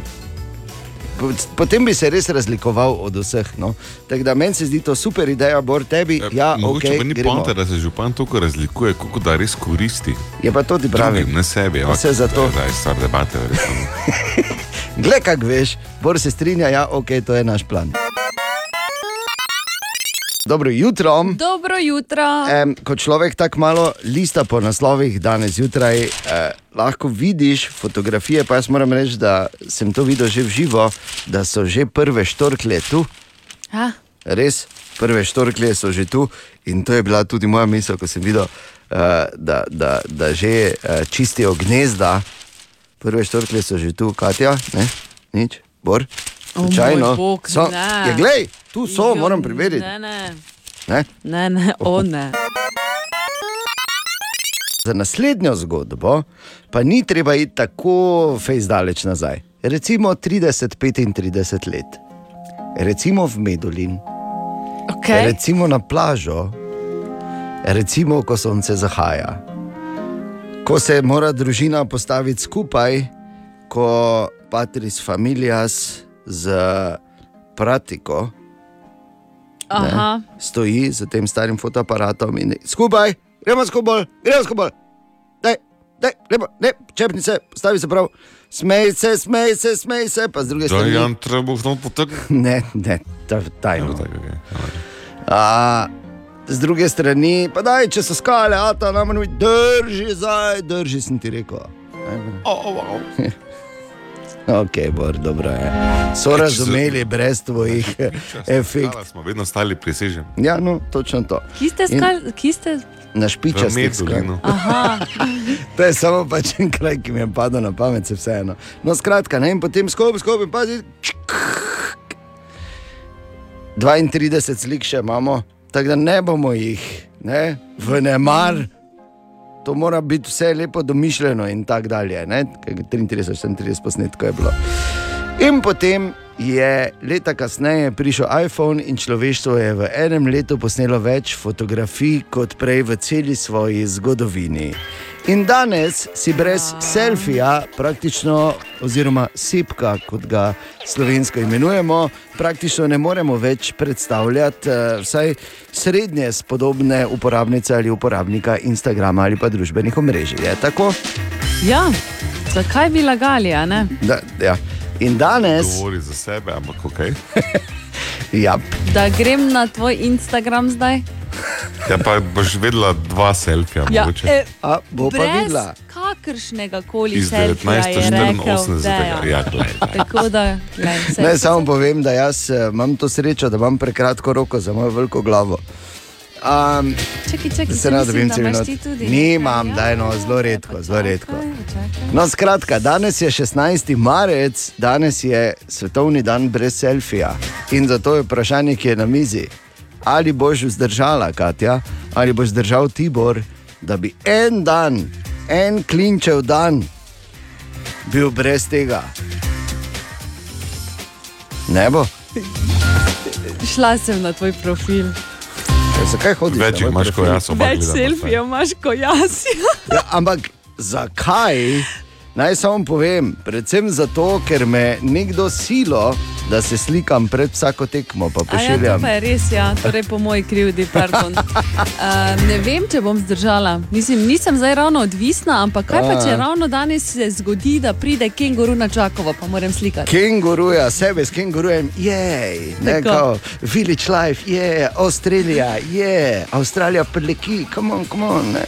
Ja. Točno to bom delala. Ja, se vem, razumem, traktor, a, jaz pred traktorom, o, ne. Ne, jaz sem pred kombajnom, kombajnom. No, ok, pred kombajnom je, ne, glej, mlinariča, juhu, ne pač te stvari, tako kot se. Pa selfie, glej, vse vseeno, če upoštevaš ali ne, uh, pač danes je, zdaj informirana, si informiran, okay. tako da zdaj to je danes, če delaš, uh, lahko pridejo in te kaznujejo. Na neki uh, ezoterični ravni, zagotovo. Hkrati sem pa našel tudi eno zanimivo informacijo, da dan danes mladi, ki se spoznavajo online, uh, več kot polovica njih naredi, uh, uh, torej razišče potencialnega partnerja oziroma partn partnerko, naredijo background search, ne, kot se reče. O, ja. Kar se meni zdi absolutno tumasto, ker vse, kar lahko ostane, je sedita na večerji, prvi na, na, na tem dejtu, in potem si me, uh, si me raziskala, sem ti mene, jaz sem ok, te pa pojeva v tišini, pa pol vgasnima luč, ali gremo že zdaj vsak po svoje. Ena od treh, treh, treh. Jutranji sprehod po zgodovini popularne glasbe.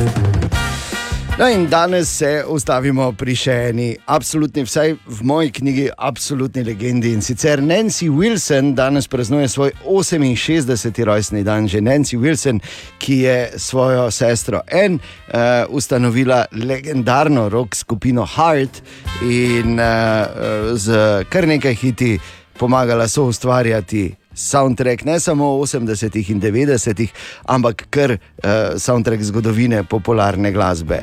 Kar je zanimivo, da sta uh, Nancy in Anne, torej obe sestri, tudi brata Eddie in Alex Van Halen, povabila, če bi se malo podružili v štiri.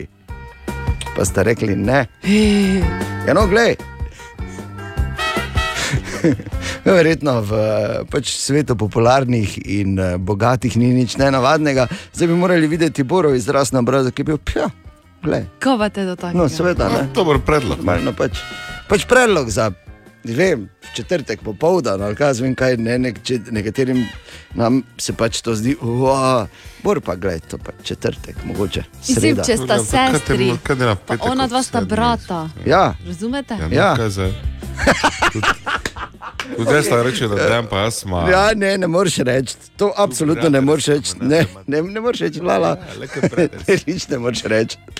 Kdaj smo se, eh, res žal mi je, da sem to omenil. Sta Deni Devita pa Arnold Schwarzenegger lahko bila ne, Filmska, brata. Filmska. dvojčka celo. ja, okay. eh, odmaknili smo se od bistva Heart, res izjemna, izjemna muzika v hitih, kot so denimo Alone.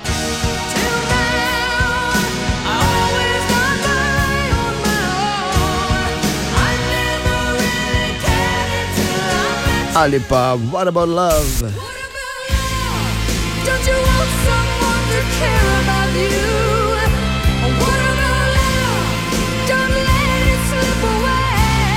Seveda, will you be there in the morning? Will you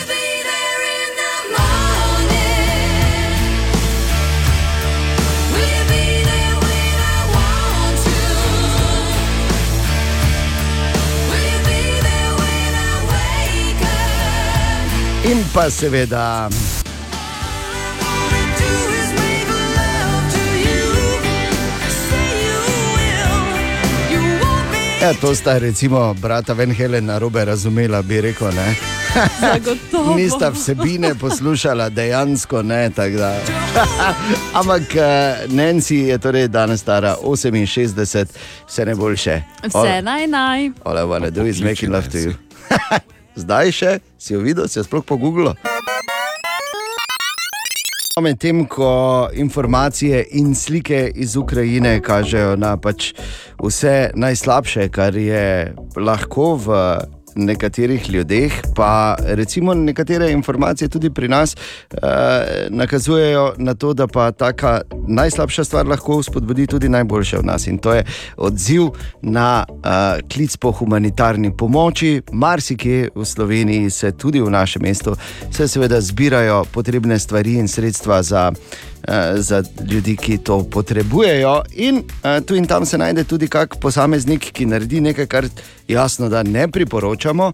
Ampak Luka Zorenč, bivši pripadnik specialne medicinske enote slovenske vojske, se je namreč odločil, da bo poln avto humanitarne pomoči kar sam odpeljal v Ukrajino. Torej, Luka, zdaj pa najprej, kako je izgledala pot? Oh, sama pot je potekala direktno iz Lju- Ljubljane preko Mačarske, mačarsko-ukrajinske meje, potem pa do Lova.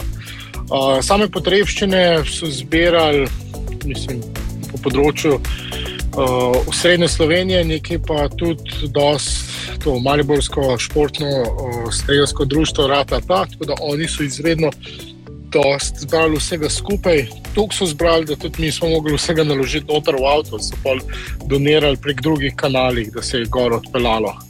Ja, izjemno, ampak uh, Luka, recimo, kako dolgo si se vozil do meje in kako je bilo potem na meji dejansko? Samo do meje je približno tam ene 10 ur, nekaj časa se je čakalo na sami meji, uh, ker na, na samo mejo smo čisto normalno šli z potnim listom čez. Uh, malo sem se vprašal, kaj je to. Videli so en kup, en kup medicinske opreme noter in se mi je hitro postalo jasno, res ni bilo pretirane komplikacije. No, in potem si z polnim avtom humanitarne pomoči pri, prispel v Lvov in si tam to predal, kaj civilni zaščiti. Kako to izgleda tam v bistvu? Uh, ja, direktno smo dali uh, civilni zaščiti, ki je uh, stacionirana v eni cerkvi. Tam smo se povezali, tam smo videli, da je uh, najboljša lokacija za oddati zadevo, pa da bo to najhitrejše prišlo v prave roke. Tam smo njim predali, dobili informacije, kaj še druge zadeve se rabi. Zato, ker ljudje hočejo pomagati in včasih res ta pomoč je malo se prenagli in potem se pa čisto vse daje, kakšne stvari. Ker določene stvari je, je, je dovolj, vem, ljudje pa ne, ne pomislijo na termo oblačila ali pa takega, ker je še vedno, še vedno je zdaj zima tam, sneži in take zadeve pa res ni bilo, niso bile res hudo na prioritetni listi. Oblačila že, samo če pa uh, kakšne dolge gate tudi ne bi bilo škoda, da bi dobila. In, in Luka, zdaj, če ko pogledaš nazaj, kaj je najbolj izstopalo, recimo, kaj si boš na tej tvoji poti najbolj zapomnil? Zapomnil sem najbolj to solidarnost ljudi, kako so vsi, se, vsi pomagali drug drugemu, uh, to nesebičnost. Uh, Kogarkoli sem poklical za pomoč, da se je rabil nekaj organizirati, če mi ni mogel pomagati, mi je pa dal drugo osebo, da mi je pomagala. Tako da to, to, ta povezanost, to, to, to me je res presenetilo. Nisem še do tega doživel, da, da je, so tok, toliko neznancev tako homogeno delovali samo za pomoč. Res, to, to, se kar, to se je kar močno zas- zas- zasidalo v moje srce. A, verjamem, ja. ampak zdaj, Luka, če za konec tega pogovora, uh, hvala seveda za tvoj čas, ampak uh, če lahko razložiš, zakaj si se pa pravzaprav odločil, da ti osebno uh, greš tja, da nabašeš stvari v avto in enostavno pelješ. Pa ja, imel, sem, imel sem priložnost eh, nekaj. Nekaj izkušenj imam za delovanje v stresnih okoliščinah, pa na takih uh, žariščih, in je v, moji, uh, je v mojih uh, kapacitetah, da lahko pomagam, in sem rekel, zakaj pa ne. Tega ne bi jaz priporočil, da gre vsak v to zadevo, zato ker um, vojna ni pro, ni, v vojni ni prostora za turiste. Uh, ampak ja, bila je šansa za pomagati in jaz sem jo zagrabil, ker nočem samo ostajati doma pa spremenjati zastav na Facebooku. Ja, uh, hvale vredno še enkrat, uh, Luka, klobuk dol. In, uh, torej še, tudi, da ne bo kdo narobe razumel, ne priporočamo, zdaj, da bi sami basali v avte pomoč in tja vozili. Uh, in uh, obstajajo načini, kako pomagati, uh, tako pri Rdečem križu, kar je ta so številni uh, naslovi, številni transakcijski računi. Uh, lahko pomagaš, bodi si z opremo, oblačili, bodi si z denarnimi sredstvi, in uh, zagotovo bodo ta prišla tja, kjer so ta trenutek najbolj potrebna, seveda vse skupaj pa v želji, da se, eh, da se ta norija čim prej konča. Danes je sreda, 16. marec. Dobro jutro. Dobro jutro. Dobro jutro. In če je na svetu mesto, v katerem lahko rečeš, to pa je možno samo pri nas, ali pa eh, da rečeš, eh, samo pri nas, Maribor. V, Maribor. v sami špici. Ne? In, v vrhu. ja, vrhu tega fenomena. In uh, uh, za vse stvari, ki se nam zdijo res tako, pa se na niti am zameš, kot rečemo, ampak uh, so tu in smo zaradi njih posebni, jih uh, opazuje in nas na njih spominja Jaša Lorenčič. Jaša, dobro jutro. Zdravo. Jutro. Obstaja beseda, za katero celo svoje šolanje in še fejs kasneje, nekateri pa, po mojem, vse do danes misliš, da je univerzalna, vse slovenska. Taka, da bi lahko bila kot katerakoli druga na naslovnici pravopisa ali slovnice. Ne, ni švinglc ali drugi plonklistek ali pa hakl, šus, šut, kakorkoli že rečejo. Ne. Ta beseda je sosošolec. Zdaj besede sosošolec v slovarjih ni, v nobenem slovarju. SSK je pravopis, sinonimni, ne, ni. Poglejte na fram.si, kjer je zbirka vseh slovarjev in pišite sosošolec. Nak, nič nobenih zadetkov. Sovoznik, sopotnik, sodobnik, sorodnik, sodelavec ali po naše sodelavec, vse to je. Sosošolec? Ne, njega pa ni. Pa sosošolk tudi ne. Vsi tisti ajeki in sejeki, če ste bili bejek, recimo. Zradirani, vunsklajbani, zbrisani, ni jih. Ker veste, kako se sosošolcem in sosošolkam reče druge, nimajo imena. Ne, so paralelka. Ampak v Mariboru pa bodo ostali, no, ne, morajo ostati sosošolke in sosošolci. Ja, samo v Mariboru. Točno tako. So sošolke in so sošolci. Še naš unikum. O, Tine! Dobro jutro, Tine. Dobro jutro. Živijo. Predsednik, Tine. hvala za objavo včeraj. Ja, no, Kaj si pa objavil? On je še vedno pa samo pri Riders pa si še vedno, člani. še vedno misli, gledaj. V Glej, bistvu ne veste samo stanovni člani, ker vejo vsi, ki sledijo temu profilu, to je prva stvar. profil Belly Riders, mimo grede, ki ga Tako. propagiramo, katerega oče in duhovni vodja je Tine. Naj ti samo povem, da jaz direktno Jaz dobivam pa glavni ekonom, informacije. verjetno ne, to je potem, Ja, oziroma ti- ustanovni član. Sem- Seveda si, Bor. Absolutno. manjka, tako posod ne. Absolutno. Pri Boru je pač to je tista stara bolezen, bom rekel, uh, angeberska bolezen. Ne? Oziroma, kako bi še rekli temu, on ima recimo kolo, ki je zelo, zelo posebno, iz posebnih materijalov in precej drago, in znano potem, da se absolutno ne uporablja. Da je na res. steni v stanovanju. Zelo, zelo, zelo varčno ga neha, Zato, ker, bicikl za ti ne, joče doma. Joče se res. Nič. To, če nič. se ti pelješ Pa Po zimi se vsi bicikli malo jočijo, razen tvojko, tudi pri minus 20, vuntera. Če ti, Bor, če ti kršiš uh, prometne predpise s tem, da se dvakrat na mesec pelješ po pešconi, ne, te še to ne naredi za kolesarja, zapomni si. Pa še to po Gregorčičevi v nasprotno smer. Naprimer. Zato, ker ko se je on vozil, je bila že dvosmerna. Ampak ti ne pustima, dopustima možnost, da bo pa letos drugače. Bor, te bomo spremljali, ok? Tako, evo, vidiš. Jaz, jaz verjamem, vate, Bor. Te greš na okolje pohorja, Grener? Mogoče ne bi takoj začeli s ne, samo ne, okoli borilskimi. Te pa gremo najprej po sadnovinskih cestah, maraton. Je pa ne po celih. Ne. po celih. Po celih. gremo do druge, ne? Ja, lej. Do druge Zdaj kaj? Do, do, dru, kaj do druge? Do druge ceste, kaj ne veš, ti ne. Maraton po sadnovinskih cestah ni po druge, po Seveda je. 25 ali pa 65. Venki, točno hrib je, pa je ena, pole pa druga Po- bajta. Samo do druge, ti ne. A do druge bajte? Slabo, ja pa kak ne razumete. Slabo ti ne poznaš, ti res moramo zgleda malo obnoviti uh, uh, prevajanje borovih misli. Uh. Uh, Tina, kaj lahko vprašam, zakaj tako niti član Beli Ridersov ni in mene, kaj predsedniku prevaja, to ne razumem. okay, Tine, kaj imaš danes? Medtem ko se očitno pripravljamo na novo kolesarsko sezono, ne na zadnje 16 stopinj bo danes. Ja, pa če sem odkopali, bom tudi tega peska. Peska, to je pač težava. Pazi s kolesom danes, ker je polno peska povsod in Spolsko je. Spolsko, pusko je. Pusko je. Torej. Drugače pa, uh, vse zdaj ne vem, zakaj. Problem je več pri teh zanimivostih, ker ti hočeš ali nočeš v glavi ostane. No, nekje mm. tako veš, ono, imaš pa pol znaš presenetiti. Ne? Zdaj ne vem, zakaj bom jaz to imel v glavi, ampak pač tu imam zanimivosti.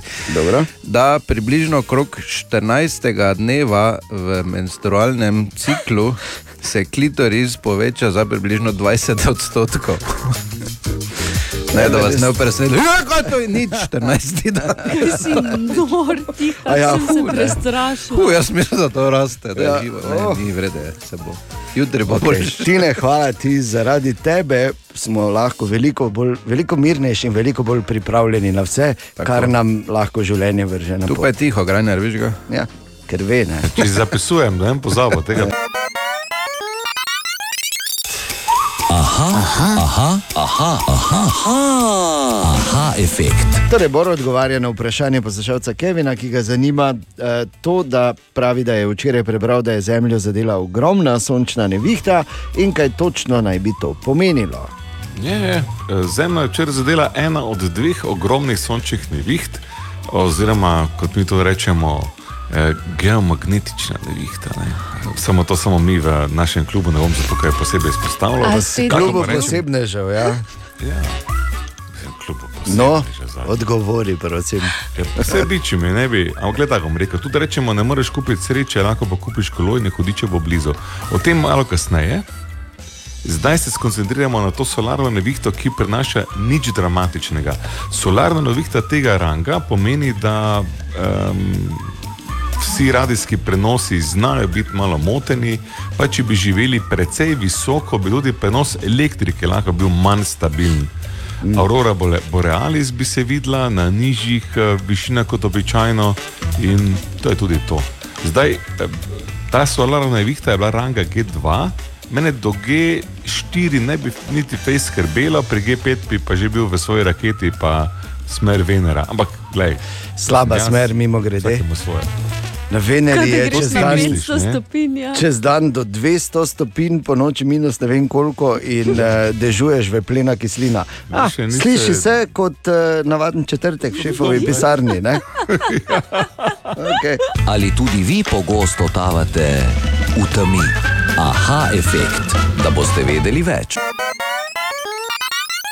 16. marec je leto 2022. Pred 50 leti je v kinematografe prišel, po mnenju tako laikov kot strokovnjakov, najboljši film vseh časov. Dejan. Ja, ja, vredno. Je Ni film Dejan, to je vseh časov. tako film Boter, hvala lepa, Bor, a, Francisa Forda Kopole. In eh, seveda po literarni predlogi Marija Puca, ki je spisal tudi scenarij za Botra 1 in 2. In zanimivo pri tem uh, je Puca je napisal scenarij po svoji knjigi, ni bil kaj preveč zadovoljen in je pol na neki točki mislil, mogoče bi bilo pa prav, da vseeno. Preberem kaj na temo, kako napisati scenarij, in je kupil tisti trenutek najboljšo ali pa eh, najprimer. Pač tisto publikacijo, ki so jo vsi priporočali. Uh -huh. In ko je odprl knjigo, kako napisati popoln scenarij, je na prvi strani pisalo: Preštudiraj Botra kot popoln primer te obrti. Tako da bi rekel, da je natur talent. In ker je 50 let, odkar je šel ta legendarni film, in ker smo ga seveda vsi gledali, ne? je tako, Katja? Ja, tega pa smo res gledali. vidiš. Če lahko verjamete. Ja. Seveda ti verjamem, ker po vseh teh pritiskih, ki sem jih vršil na te. No, in a, zato ne bo problem, e, o, namreč ogromno je enih legendarnih e, citatov iz tega filma. In imamo igro, nadaljuj legendarni citat. Pet, samo trije so. Ne. Prvi bo relativno uh, preprost. Jaz povem prvo polovico, vidva pa pač drugo. Prvi je. No, ja. kaj zdaj ti govoriš, ali jaz? Pardon. I'm gonna make him an offer. He cannot refuse. refuse. Bravo! I'm gonna make him an offer he can't refuse. Ja, le kak znata. No, boš govorila, da ne veš. Drugi legendarni citat iz Botra, prva polovica gre tako: A man who doesn't spend time with his family. Ja, sem vedel, da se bo to He's a zakompliciralo. lost man. Ne, can never be a real man. Because a man who doesn't spend time with his family can never be a real man. Ne? Oreščke si skladal, si noter žal. Ja, seveda, Ja. seveda, bor, dobro je. In še meni najzabavnejši citat iz, uh, iz filma Boter, ki slavi 50 let, Abrahama, tako kot Bor. In, uh, ja, in je uh, v bistvu najboljši film vseh časov. In sicer prva polovica gre takole: Leave the gun. Nadalje. Take the cannoli. Yes. Leave the gun. Yes. Take the cannoli. Prav, Prav, bor. Hej, pri hrani ne morem. eh, Ne, mislim, ne, pa pri, gu- pa pri ja, hitrem tako, googlanju tudi ne, ne? Ah, tako da, se vemo. Ampak 50 let je tega legendarnega filma, morda skrajni čas, da si ga privoščiš. Še enkrat, mimo grede, zvečer, pa ene 4-5 kanolijev zraven. Naš eh, primo novinar Matej Šoba, dobro jutro. Dobro jutro še enkrat. Dobro jutro. A, Matej, kaj če bi se končno začeli pogovarjati o bistvenem, torej Lahko, o mariborskih brveh? Okay, lahko, ni problema. E, Imamo eno brvo, tista, ki vodi iz konca lenta, oziroma tam pri pristanu proti študencem. Napovedana je nova, precej z mnogih vidikov sporna, tista pod e, starim mostom. In pa e, zdaj je Mariborska občina skupaj z arhitekturno zbornico objavila nov natečaj, to pa je za brvo čez Mariborski otok, oziroma nad Mariborskim otokom. Ali, Jej! Eh, Brv, ki bo povezala recimo, levi in desni breg Drave, tik pod hidroelektrarno in eh, nad kopališčem oziroma eh, tem naravnim rezervatom. Eh, Potekala bo približno 300-metrska brv tam, kjer je te, torej čisto na zgornjem rtu Mariborskega otoka in eh, bo povezovala torej, eh, tudi na tistem delu oba bregova Drave, eh, namenjena seveda v prvi vrsti pešcem, sprehajalcem in kolesarjem. To pa ni zadnja, potem ko bo ta natečaj zaključen in se bo to odvilo tudi v smislu izdelave in pa izgradnje, potem pa je planirana še ena, to pa je potem čisto na drugem koncu. In sicer brv, ki bo povezovala območje nekdanje Svile in pa Melja, oziroma MTT-ja v Meljo. Tako da vse skupaj bo potem to um, četrta brv, kot je planirano v naslednjih letih. Kul, cool, ne?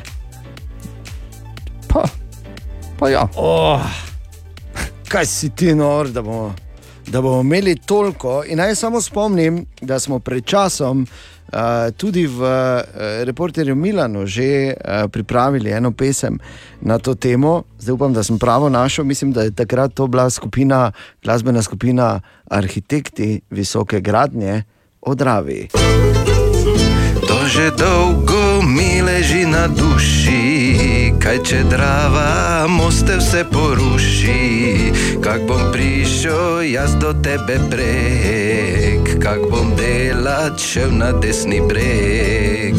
To že dolgo mi leži na duši, kaj če drava moste vse poruši. Kak bom prišel jaz do tebe prek, kak bom delat šel na desni breg. Ja, to bomo, seveda, kot smo slišali, Mateja, Dravi Fejst, otežili. številnimi brvmi. Lepo. Želimo dobro jutro. Dobro jutro. Ja, pozdravljeni. Četrtek, 17. marec je danes zjutraj, vse zgodaj smo mi dva s Katijo že ugotavljali, kot pa seveda veliki umi zjutraj ugotavljajo. Kak je pa ta teden hitro četrtek prišel? Res je, Neverjetno. pustimo veseli. fum, niti ne. Zakaj ne? Ja, ok, ti si še lahko vesela, še niti 30 nisi.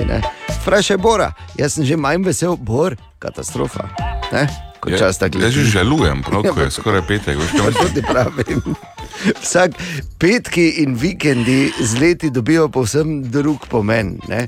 Ko si mlad, se jih veseliš, ko si uh, starejši, pa pač so pač eh, tedensko obeležje minljivosti Okay. vseh pogledih. Včasih je vikend, si čez vikend kipel od življenja ne? in uh, svet je bil tvoj, si ga imel na dlani, zdaj. Zdaj pač si vesel, če prideš brez škripanja v kolku. ne. In, Daj, no. Ja, no, gled, tak pač je. Tak pač je. Ne smemo, se, uh, ne smemo si zatiskati oči pred resnico. Uh, ampak, glej, to je normalno, očitno pač te že mora tako biti in Bor je v znamenje tega, da se strinja, zazehal. Bom rekel, prav zazehal, no, nilski, zazehal, nilski ja. konj je amater. Res. Pa tudi sem ugotovil, da ima ta zobovje že podobno. A, pa fuj, kaj si jedel včeraj za večerjo. A. Ampak zgodaj zjutraj, veš, ko pravijo, da zazehaš tako, da se vidi, kaj Ja, si. ja, ja, ja. Jaz sem Okay, razumela, to je bil ja. Bor. A, torej, zgodnje jutranje ure so običajno tudi čas za, mm, eh, ja, bomo rekli, slave frizure in pa morda tudi kakšna razmišljanja. In to je recimo ena ideja. Jaz sem se danes zjutraj zbudil in sem imel to idejo in smisel, bom jo povedal. Morda pa bo kdo slišal, pa naredil, morda nas bo to rešilo, morda celo ne, ampak sem razmišljal, veš, ko tak, zdaj hodiš po Mariboru in vedno bolj je na levem bregu, uh, je Maribor vedno bolj zaprt, vedno manj prometa, verjetno je nek razlog, mm -hmm. zakaj se to dogaja, mm. -hmm. pa hkrati seveda ponuja tudi vedno več prostora, Ja. vedno bolj drugače je, ne držimo se te tradicije, eh, nov župan, nov trg. In eh, da bi lahko naredili korak dalje eh, in izkoristili ves ta prostor, eh, bi jaz predlagal, Sveda bo treba malo spremeniti tudi razmišljanje, veš, da je vsak funkcionar na občini tudi hkrati redar v pesconi. Mhm. A, ampak a, da bi morda razmislili, ko delajo vse stvari, Maribor je ogromno enih investicij, in ogromno enih investicij se, eh, se tudi še obeta, da bi razmislili o dirkališču. Prav o dirkališču, a, tako kot recimo ga imajo Avstrijci v Špilbergu. Ne? Kot je Ja. marsikje, kot imajo Nemci jih nekaj, recimo Nürburgring, s tem, da bi pač naše v Mariboru se imenovalo Rožmaring. Web, web, web check. Torej, Katja, dobro jutro. Dobro jutro. Jutro. V sosednji Avstriji so policisti med kontrolo vozila v avtu odkrili odraslo pumo. To zdaj ni ona puma, ne?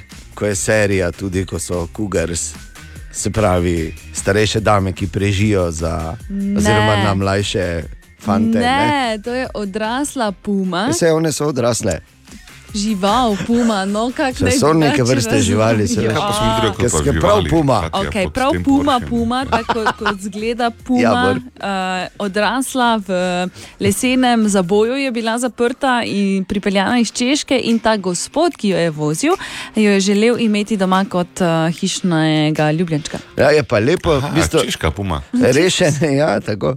Je pa rešen eh, zdaj ta misterij. Veš, pume, ki je nedolgo nazaj strašila po Hrvaškem in po Prekmurju pri nas, pa tam po Prelekiji. Ja, Čeh jo ima v škatli, tako da mirno. ne, Avstrijec imamo v škatli. Okay. Če si rekel, da je iz Češke prišla. Ja, ampak je pa Avstrijec. Eno pa Čeh je dal škatlo, okay, veš, kaj hočem dobro, povedati. v redu, razumem. Okay. Uh, nove študije so pokazale, da bi morali spati v popolni temi, brez kakršnega koli vira svetlobe, tudi najmanjšega ne, ker že samo, ne vem, res lučka na telefonu eh, naše telo spravlja v stres. Aha. In v to neko stanje pripravljenosti, oj, svetlo je, nekaj se bo zgodilo. Ja. No, po drugi strani pa veš, kak, če nisi skozi v stanju pripravljenosti, ne? priložnosti grejo mimo. Ja, tako. Povem. In pa šov, Ellen, torej Ja. ja. oddaja Ellen. Uh, vse v bistvu približuje koncu. Zadnja epizoda bo na sporedu 26. maja, veličastno slovo z mnogimi znanimi obrazi, mm. seveda. Um, je pa ena od uh, bolj zanimivih informacij, da bo Ellen svojim zaposlenim ob koncu oddaje razdelila več milijonov dolarjev bonusa. Wow. Vsaka podobnost uh, za eno lokalno radijsko postajo je zgolj naključna. Webcheck. Danes je torej 17. marec, tudi St. Patrick's Day in uh, praznik. A, danes je to? Ja, danes. Ampak danes ni samo, uh, samo to, ko v Bostonu reka teče zeleno in ko se že zdaj po vseh štirih vlačijo po vseh večjih krajih na Irskem, ampak je tudi dan pred polno luno in ta naj bi tokrat bila posebna. Čeprav se mi zdi, da glede na to, kako čas leti in ti samo določene slikice ostanejo v spominu, da je zadnja polna luna bila prejšnji teden. Ja, res Ampak je. Ja. ni bila, ne? bila Ni je mesec dni nazaj. Tako, uh, sicer tudi tista je bila posebna, ampak bolj v negativnem smislu, ta bo Dobro. sedaj v pozitivnem. Lepo. 18 minut čez 8, jutri zjutraj, torej polna luna, zadnja polna luna v astrološkem letu. Vemo, s čim se zaključi astrološko leto? Uh, naj oganem z novo plombico. Z enako nočje. A, okay. torej, torej, spomladanski ekvinokci, Tako. ki pomeni tudi Ali plombica. Ne? začetek pomladi. Okay. Torej, luna bo jutri v znamenju device. Zato... Lahko prosti, kaj ti je, samo da en razloži, kaj točno misliš za plombico. Ne vem, ampak pojma nimamo teh astroloških, pa lunarnih letih in ne vem, nisem vedel, kaj, kam cilja sploh. Ne vem, zakaj je to bila prva beseda, ki mi je padla na pamet. Plombica. Upam, da ne greš k zobozdravniku danes. Ne vem, če je bila to ta plombica. Dobro. A ja, no, okay. in torej, Luna bo jutri v znamenju device, zato se bomo počutili še posebej sproščene in pa počasni bomo. V bistvu gre za dobro luno, kar je v bistvu logično, ne, ker je v najlepšem znamenju. kak za koga? Ja, za mene. Z, tako. in pa, uh, uh, ja, zdaj sem se malo zmedla. Si se zbudil- zgubila si se, sem se, ja. Uh, zato v bistvu ne bomo morali kriviti, da je Luna kriva za naše slabo počutje, ne? ker ne bo kriva Luna. Ampak kot vidite, bo pa res počasi. Bo pa res se boste zmedli počasi. tako. Ja. Vračali se bomo na realna tla, veliko preveč eh, smo namreč hodili z glavo v oblakih. Pomembno je, da se v tem času zanašamo predvsem na logiko in kmečko pamet, dobesedno, no? pri sprejemanju nekih večjih odločitev. To zdaj Bor bo imel težave, ne? ker on je vseeno stari meščan. Ne? Teba staro meščansko pamet. Oj, oj. Um, super čas je, da si na novo postavimo življenjske cilje in jih dobro splaniramo, drugače pa je jutrišnji dan najboljše preživeti v naravi. In eh, ne smemo pozabiti, da moramo predvsem zaupati vase.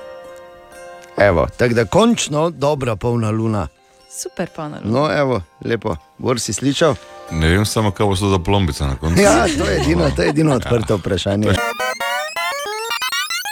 Preden gremo dalje eh, z naslednjim hitom, naj samo povem, da so zanimive fotografije, ki prihajajo iz nekaterih eh, trgovin po Sloveniji, ker običajno je tako in tako smo na zadnje recimo videli tudi med korono, da ko je na obzorju ali pa med nami neka kriza, se seveda vklopi stikalo za samo ohranitveni nagon. Pa kar je zanim- najprej gre kvas. E, ne, tokrat ni šel najprej kvas, spet je šel celi WC papir. In zdaj dve stvari sta se mi ponekod, ponekod ne posod, Razumem, ne, razumem, ponekod.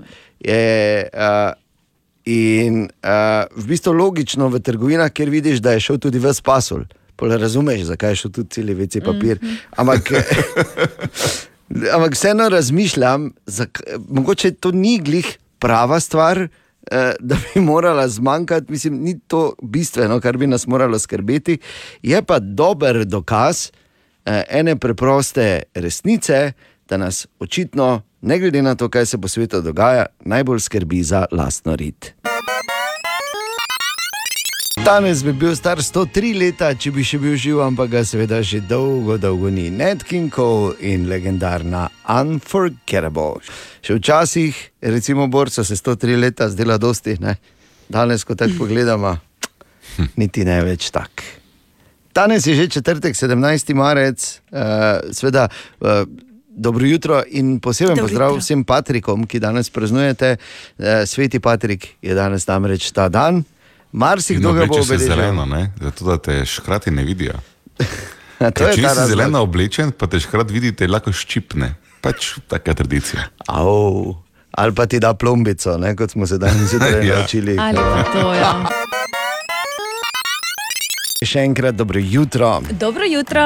Ja, potem, ko se je v Sloveniji zgodilo, da je vlada vseeno zajezila uh, te cene goriv, ki so pogonskih goriv, ki so kazale, da bodo poletele do, pa, vsaj do tri četrt, pa nima male češnje doma. Ne? Ja.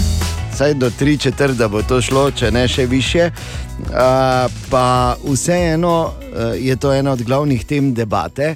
Uh, in uh, zato smo se odločili, da gremo malo ven, pa vprašamo po ulicah našega mesta, ali uh, smo v luči teh uh, višjih cen goriv kaj spremenili svoje navade. Če že nas uh, skrb za okolje očitno ne more premakniti, pa bi nas seveda dosti bolj moralo kot to, da nas direktno pač uh, useka po žepu, ampak uh, vseeno zdaj. So ljudje začeli, oziroma smo začeli tudi malo drugače gledati, kot kaže, ali morda ne.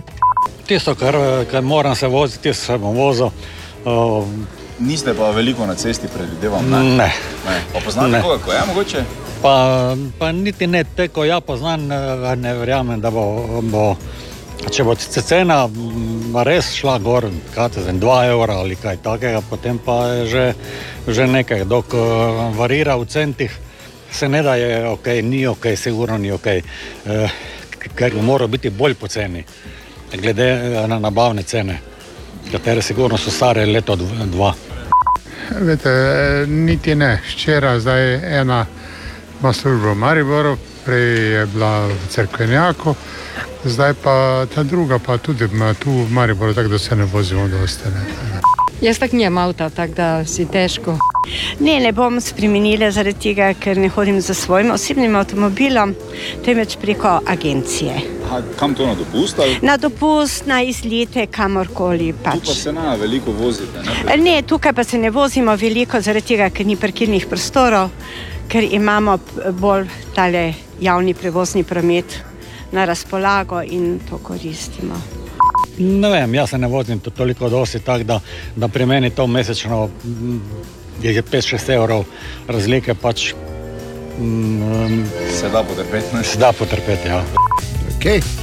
Različni odgovori, sicer seveda bi morali, po mojem, to anketo delati na avtocesti, Ja, ne v mestu, točno zato to, ker ja. eh, v mestu se niti nimaš, ki voziti. V Mariboru pa vedno manj. Ne, tako da, uh, ampak eh, mimo tega, jasno, tudi to je zagotovo eden od problemov, ampak neverjetno najhujši in da se z lahkoto, ker moramo vedeti, ne, najtežje je seveda vedno priti čez čez tisti lastni občutek, da ti nekaj pripada, ali pa da pač enostavno nisi več tak komod, kot si bila ali bil. Ampak to je mala žrtev, verjemi. Želimo dobro jutro. Dobro jutro. Dobro jutro. Ja, dobro jutro. In ko tako malo listamo, najdemo med naslovi tudi to, nismo govorili. Pazi, piše: Kawasaki je naredil robotsko kozo, ki jo lahko jahaš. Kaj? Ja. Kozo. Ja. Okej. Zdaj pa tako. Zakaj bi kozo jahal? Ja, zdaj pa tako. Jaz sem samo rekel, jaz sem zadnji, ki bi sodo karkoli, samo fuj. Narečja so zakon. Ha, kva, koga, kaj? Ma ne razumem. Ja, narečja so zakon in Marko Fras. Dobro jutro. Dobro jutro. Dobro jutro. Na zadnje smo iskali narečne verzije te povedi. Kož za smeti je spet poln. Ime mi je Aleš Kul, prihajam iz eh, Dobrovc, košanka je opet puna. Sem Mateja, prihajam iz Ptuja. Pri nas rečemo, kanta za smetje puna, treba jo sprazniti. Zdravo, sem Vidka, prihajam iz Rič, malo iz podrugle. Jaz znam, ko pri nas doma delamo samo čisto, din imamo pan, koš, smeti. Živijo, jaz sem Nataša, prihajam iz Goriških brd in pri nas se reče kanta za smeti je nazaj puhna. Pozdravljeni, sem Saša, prihajam iz Kopra, živim pa že več kot 20 let v Mariboru, ampak pri nas v Istri rečemo, kanta za škovatce je spet puna. Jaz sem Vanda, sem z Lorenco na Pohorju, pri nas pa rečemo, kanta za smetje je spet puna. In še nekaj povedi z Facebooka, kibla je treba ven jesit, kanta je puhna, koš za smeti je spet poln, smetjok je popun, kanta za smeti je že drčna bulana, kibla za smetke je že pa puna. V tem tednu pa iščemo narečne verzije te povedi. Izgubil oziroma izgubila sem vzmet od kemičnega svinčnika. Kaj pravite vi trije? Slačec, slan in slepak. Bo okay. slepak prvi, ne? Izg, izgubil, kaj sem vzmet. Ono, f- o- Kemične. Okibe, Mogoče bi se sam ke. cenzurirati, ker vem, kako se ona- reče, samo. Okibe, ke, ke. vseeno Groba beseda, ne? Ja. Je Kaj kaj? je to? ta- Fedra. Fedra, ja. Izgubila sem Fedro od kulice. Ja. Tako reče Boristo, izgubila sem Fedro od kulice. Izgubila. ja, tako. Ne, uh, ja, glej, zanimivo. Ne vem, če sem v življenju, mislim, Fedra mi je dol padla, sem mogoče rekel, ko sem rašral v kulico, nisem pa pol hodil okoli in govoril, čuj, zgubil sem Fedra od kulice. Piš jaz pa sem. Ne, Nič- a veš, nikoli- kot da uh, Fedra je. Kje je ta šmurčeva Fedra, Kje ne kot si Fedra, ja. Fedra od šmurca. Torej, ampak vseeno so tu bili omenjeni eni trije izrazi, Marko. Slačec je slaščica ali sladkarija, slan je nosilni drog pri vozu, slepak pa je slepec.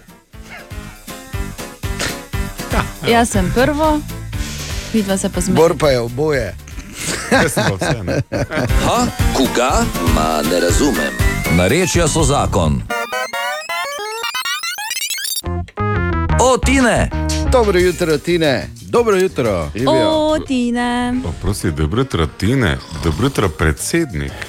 Ne gledate ga. Ne bo, ne? Ne bo nehal. se- Nikoli ne bo nehal. Naj, eh, naj povemo, sveda, da je, pač gre za en osebni projekt, ki ni nujno, da ga ti vse skozi izpostavljaš, prosto, ker si bolj malo naredil za to. Ja, Pa kaj osebni projekt, če pa smo že vsi v to, samo malo, kaj ti nisi včlanjen, dejan? To je Tine to osebni projekt, vse sem članjen, kaj je. Ja, no. Jaz bi te samo sem prosil, Bor, na- na- ne, temo, ne, ne, tiho bodi. Ne, no, da ne. Kaj govori, Ja, ja, ja, ker se zgasne. Jaz bi te samo lepo prosil, če mi ne bi, videl sem pred dvema dnevoma se spoz, spoznal s Facebookom, komaj ne. Ja, če mi ne bi smetil gor z tvojimi ja. komentarji, da si pojedel celo eh, bombonjero, pa da si mislil goniti, pa nisi šel, ker si antireklama za bicikliste. Ja, Ne, ne, ne gre tako zgodba. Zgodba je tako, da sem res sem povedal, po, požrl sem po bombonjeru. Pa to na neke druge strani svoje ti piši. Pa sem imel skoraj slabo vest, potem se pa spomnil, da sem ustanovni član Beli Ridersov. Ti, ti bom Tako da v bistvu sem treniral včeraj. Okay? Ja, ne, Bova jaz sem se treniral in pol, ko sem tudi, da treniram, sem pač še malo potreniral. Ne? Veš, da te ena sezona ujame nepripravljenega. Ja, ampak eh, govtat eh, bombonjere in trenirati ni enako. Ja, za neke navadne, beli radi v redu je, Bor. beli, No. boljši rajd. Red je. Torej, Tine, kaj imamo danes? Torej, raziskava je odkrila, da eh, skozi čas smo moški razvili bolj košate brade. Zakaj točno? Ne boste verjeli. Ampak zaradi tega, da bi eh, lažje absorbirali udarce na gobec.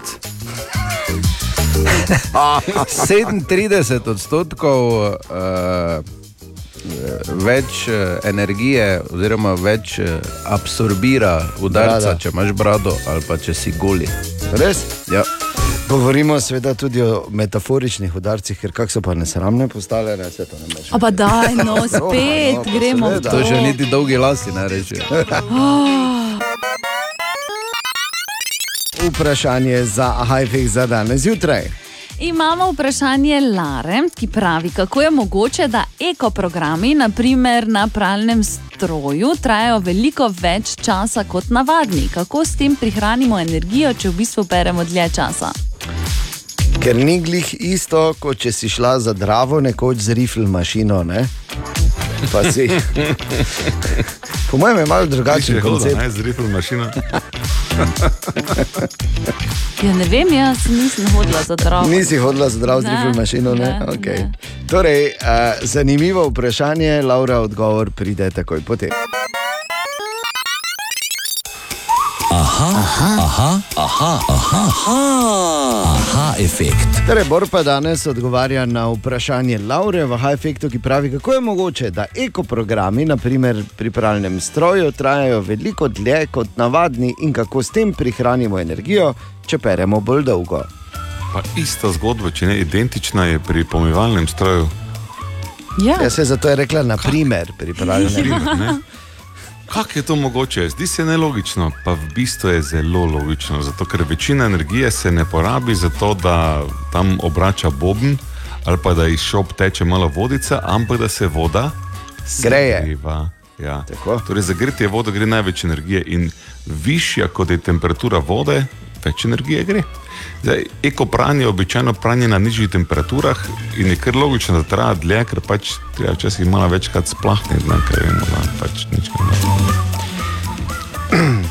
ne. Se razumemo zdaj? Ja, ok. Tako da to je tudi E, to. čakaj ne. malo, Katja, vidim v zraku. Izvoli, Katja. Ne, ne, ne, jaz samo Ne, ne, razmišljam ne. o tem, koliko krat si prav. Jaz? Ja, na eko. Bele majice z rdečo, pa tako. Jaz, jaz sem zelo hitro. čakaj, ne, dejan, ker, ker, ker pač to je zdaj uh, osebni napad Vidim, skozi ja. privatno sfero, ker ima pač informacije iz prve roke. In jaz samo to povem. Jaz sem ne samo, da sem uh, zagovornik ekopranja, jaz tudi že v fazi sortiranja imam vojaški red. Kdo je dal rdečo majico med moje fine majice ne, in se je potem to kljub eh, temperaturi 30 razbarvalo? Ne, Terorist, Bor, terorist. Terorist je bil. Nastavljajo. Ja, ne? a teroristka celo. A spol smo že pribili, dobro. Vse je logično.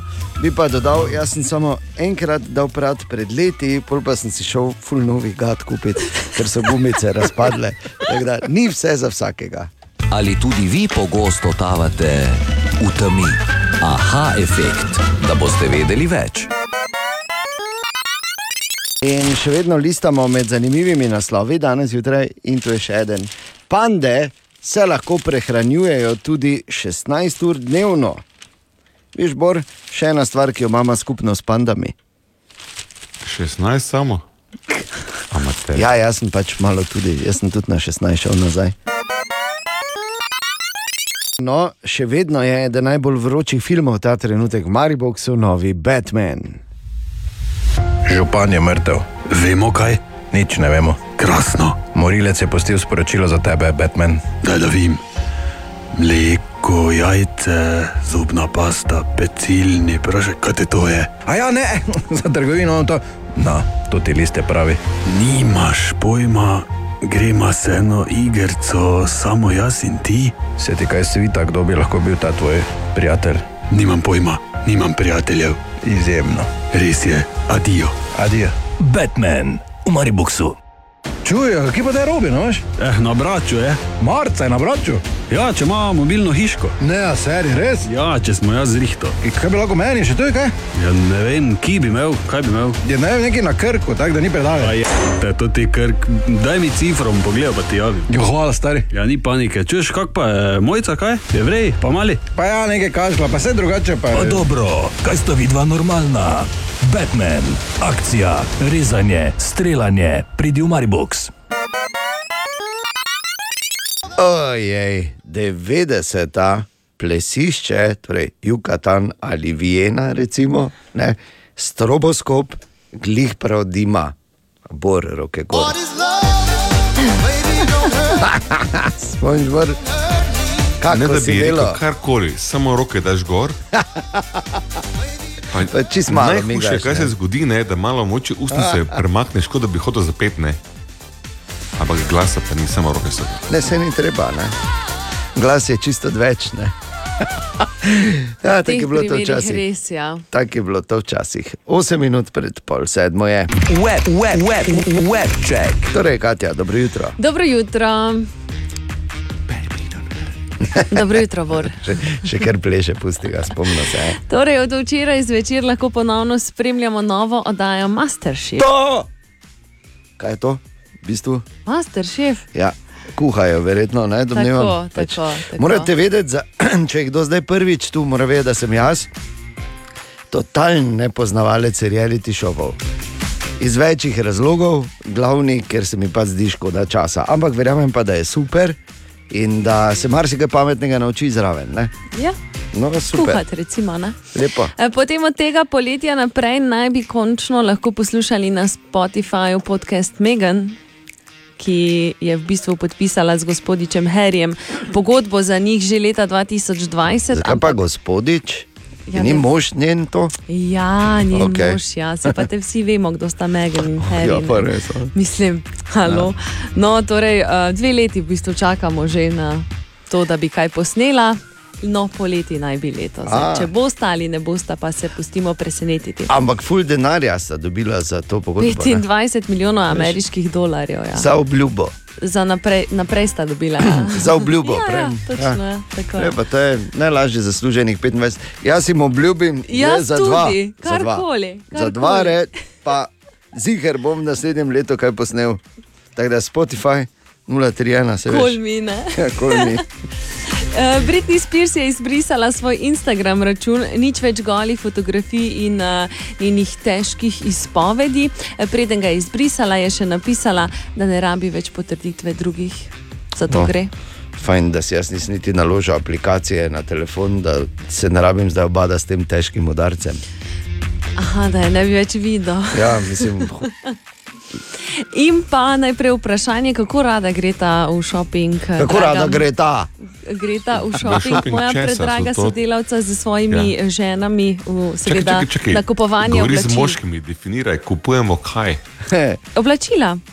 Eh. Ne, slabo, Ne. slabo, slabo. Okej. slabo zelo slabo.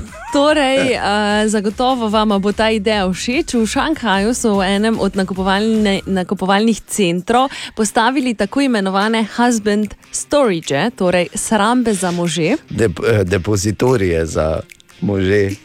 V bistvu gre za stekle, eh, steklene kocke, v katerih potem možje, ki ne kupujete tako radi, počakate na svoje žene. Uh, noter je pa zelo udoben stol, uh, računalnik in pa igrice iz 90-ih let. Oh!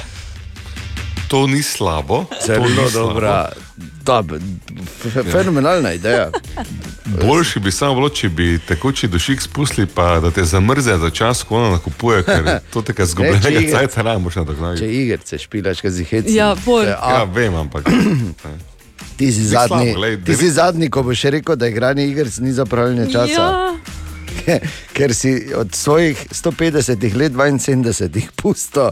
Uh, ampak uh, mimo grede, take, uh, uh, taka, take husband storage, kot si rekla. Ja. Mi poznamo pri nas že vrsto let, samo da jim pač rečemo gostilna. Web check. Katja, Bor, Dejan, mi trije smo tu, Ana manjka, želimo dobro jutro. Dobro jutro. Kako je to bilo zdaj? Zehal sem. A Ja, okay. Danes je mimo grede svetovni dan spanja, Bor, kaki slogan je letos? E, Res, ker Ja, daj povej, no. Dober spanec, bister um, vse dobro. To veliko tega od nas razloži. Ja, res. Še enkrat dobro jutro. Dobro jutro. Dobro jutro. Petek, skoraj nemogoče vprašanje. Ne, ne, ne, ne, ne. Da, ni da. Energije, ni. da ja, se vseeno. Če Te pa- Ne moram kolajno braniti na taki način, to je skoraj že je podobno sojenju pri na nogometnih tekmah. Že, naprej. Lahko, si, lahko Mislim, se ko Maribor predaš, Bor. seveda. lahko se predaš. Pa seveda se ne bom, Ne. Dobro. Se pa te Naj samo povem- kako rečemo v tem mestu. V redu je, dobro. Ja, sploh tako zgodaj zjutraj. Uh, danes imamo sicer dvoboj, uh, kaj ti Ana manjka, ker je pač po novem, je tako, da vsakoga malo buba je že lahko dva tedna v termah, neki, na rehabilitaciji. Ne, se ne. Če imaš komplicirano operacijo, Ja, to je ja, kaj. in mi seveda želimo čim prejšnjo okrevanje. Au, au, au. In seveda lepo pozdravljamo, in da pazite tam, da ne bi slučajno, ker tezno se lahko maščuje. Zdravo. Ana, ne pozabi ono, ko si v vodi, pa ko ste ženske v štirih rižah, pa roke gor in odročimo. Je, roke gor. Sej ni v. Okay, okay, čakaj, skoraj ne mogoče vprašanje, to zdaj ni tema debate. Uh, skoraj ne mogoče vprašanje tudi tokrat, korenini v statistiki iz Evropske unije, eh, v katero zapademo tudi mi. In je morda veliko bolj spektakularno od odgovora. Torej, pozor. V Evropski uniji, torej tudi pri nas, obstaja najpogostejše vraževerje, oziroma eno vraževerje. Naj... Nisem povedal še niti ne do Pardon. konca. Uh, eno vraževerje je najpogostejše in van verjame, oziroma ga izvaja, bolje rečeno, več kot 20 odstotkov evropejcev. Euro, evropejcev, evropejcev torej. Vem, ko so vržejo čez Ne, ramo. ni. Okay. Ampak to je, bomo rekli tako eh, toplo, toplo, toplo. Torej, z mačko ni povezano, ne? Ne. Pa za soljo tudi ne. ne. Eden od petih, z- Aha, vem, da potrkaš, ko. da Bravo, potrkaš po jaz- lesu. Jaz sem bil šele zdaj, da imaš zajčjo šapico na ključi. to te pa naj- Veš, kje je meni Kaj? Vem, vem, vem. Če najdeš kovanec, da- če najdeš, najdeš kovanec, da ga moraš pobrati. Ja, moraš jim poljubiti, zato ker je to pač odnos do stvari. A to nisem, da ga moraš poljubiti. Ja, mislim, Na tleh v- bil. ja, ne zdaj dobesedno, Kdo si to ampak metaforično. Grozna praznoverja. ja. Čeprav po drugi strani, Dan, ko je bil mali, je hodil pod lestvami. zdaj pa le, ne, sem mali ostal, ker so male lestve bile. ne bo.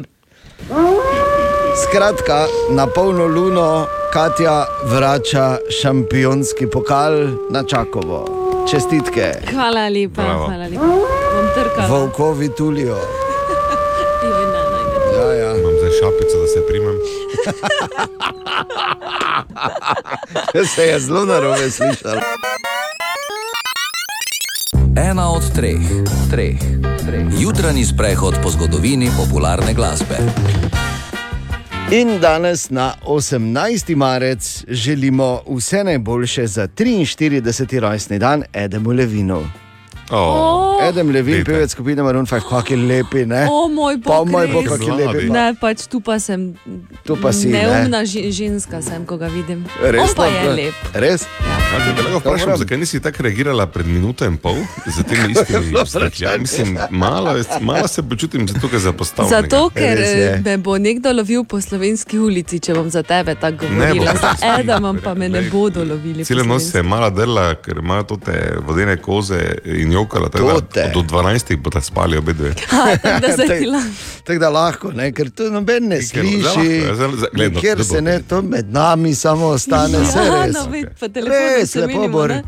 Torej, Adam Levin, pevec skupine Maroon 5, eden najbolj zaželenih na svetu, tudi uh, najbolj seksi moški je bil par let nazaj. Ja, to se Vse sploh ne živo. čudim. Ne tako. Uh, Modre lase je imel na zadnje, če ne veste. Resno. Ja. pa ogromno tatujev, pa v tem, uh, kaj je X Factor ali je America's Got Talent, nekje tam Uh, je. mislim, da je Amerika Eh, uh, Got Talent. Okay. Se pravi, slab sem pri teh, tu pa tam samo kak posnetek vidim. In uh, Adam Levin je z Maroon 5 stopil na glasbeno sceno, pravzaprav skozi velika vrata. S hitom, to se spomnim, kot da bi bilo včeraj. Uh, To veš, da si star, ne? ko začneš uporabljati stavke, da se spomniš, kot da bi bilo včeraj, pa v bistvu skoraj da 30 let nazaj. Ne?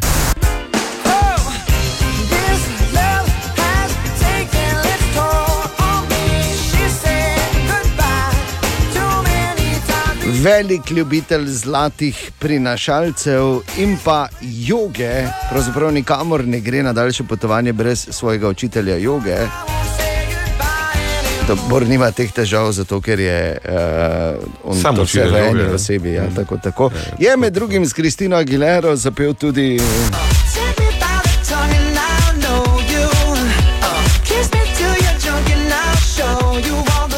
Kot si pravi, Korajberi ima tudi svojo linijo oblačil. Absolutno, da jo ima. In uh, vse te njegov, vsa ta njegova oblačila, sploh hlače, si lahko jaz dam na roke, samo ne, sem ugotovil.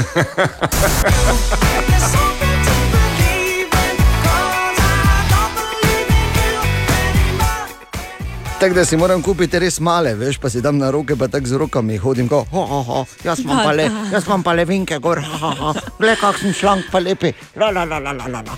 Točno tako. ne? Med, med drugim pa je recimo s Cardi B so Maroon 5 posneli tudi.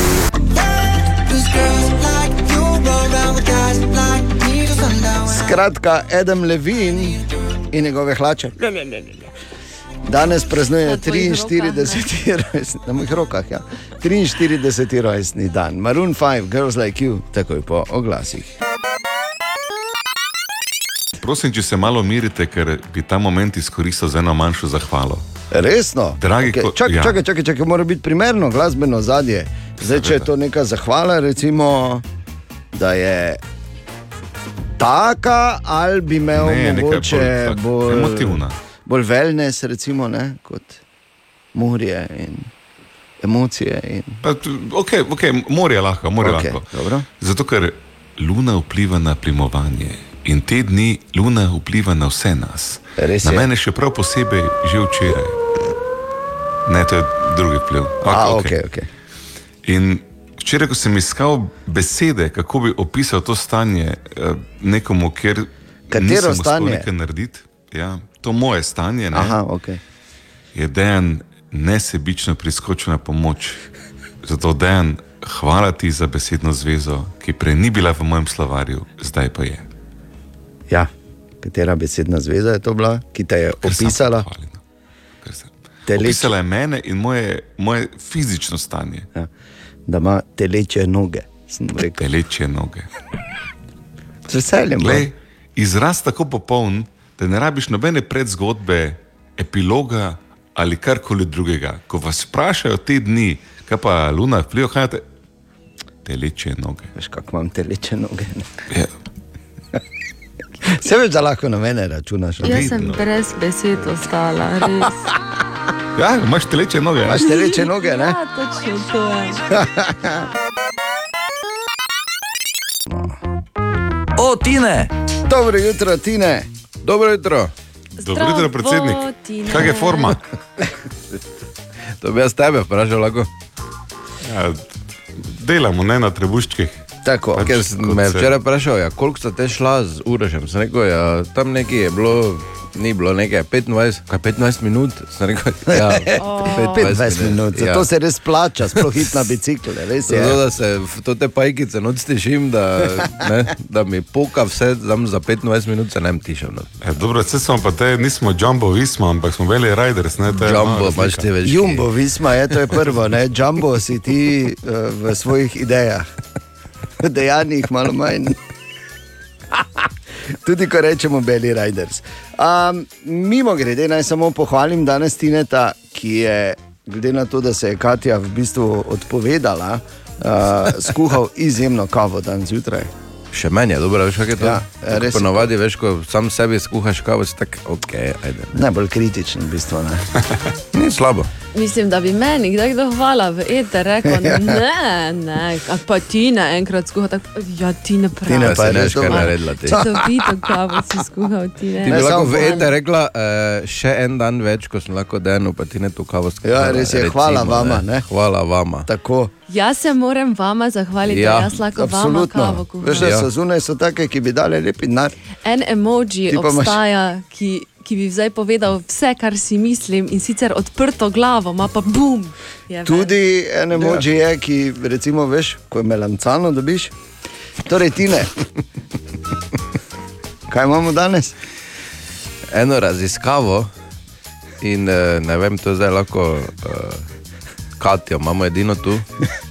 Katja. Te- Ja, Katja. Uh, ba je 17 odstotkov žensk med aktom na telefon pogleda. Mislim, da je ta reakcija povedala vse, ne rabimo več dalje. Ne? je Ja. bilo. To je bila reakcija, lepa. ki so me te videli. Še enkrat dobro jutro. Dobro jutro. Eh, Eno stvar sem prebral, ko sem danes malo listal po, po naslovih, pa moram preveriti, Bor, če so pri tebi uh, trofli uh, dejansko časovnico, ker pri meni so za eno leto zgrešili.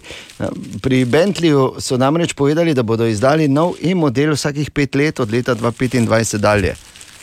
25, to je čez. Ne, ampak a, na, ne, ne, na pet let, ah, to je vem, bistveno. Vem, ne, da, da, da, da tudi meni pade v cikl menjavanja ja, električnega. Meni avta. so za eno so mi uh, zgrešili eno leto. Meni za dve. Ja. Jaz na štiri menjam. Ne. Jo. Joj. Moče, moče pa tudi Tesla vrno, ne? ker Bentley vse Ja, ja, res, zanima, Bentley, ima vsi Tesla, Tako. veš kaj mislim. Tako, brez veze, res. Ne, pa Bentley pa ima neki panaš, ne, kot se reče. Pa ne. te ne vračajte Neki- meni, da je. Neki flair ali pa. Da, no, ne boš nekih ostankov Ja, jemal. ne veš, kaj moreš, ne moreš, ne moremo, pa vsakemu tudi ne damo, ne. mislim, pol veš, ko zavržemo. Oh. Ne, hočem povedati, ker tebi, če. Vsakemu. Prijedo. Torej, dobro jutro. Dobro jutro. A, in tu je še en dokaz, kako vseeno je narobe, ko imajo nekateri ljudje preveč časa. Poznamo ta efekt, ne? ker se običajno takrat zgodijo kakšne norije. Ja. In tako sta dva bratranca, Luke in Andy iz Amerike, ki sta drugače profesionalna uh, padalca, sta profesionalna base jumperja, wingsuit flyerja, vse to, člana. Red Bull Air Force, ne, se pravi, izvajata vragulije pod okriljem Red Bulla. No, in zdaj sta se ona dva odločila, uh, da bosta naredila to čez približno en mesec. Tu zdaj pridemo do tistega dela, da imata očitno preveč časa. Ja. Boste naredili nekaj, kar še nikoli ni bilo, uh, ni bilo narejeno. Namreč vsak v svoji cestni 182 bosta poletela nekje na kakih 4500 metrov, potem bosta hkrati uh, uvedla vsak svoje letalo v navpičen padec, torej v pikiranje, in medtem ko bosta letali pikirali, bosta zamenjala letali v zraku, se pravi, bosta skočila in probala trofiti drugo letalo. Se pravi, dve letali pikirata, ona dva pa greta ven, skočita in probata pač zamenjati aviona. Ne? Se pa, Oh, moj bog. ja, no, če ti pravim. Če ti pravim, nikoli še ni bilo to poskušeno in to naj bi bilo prvič.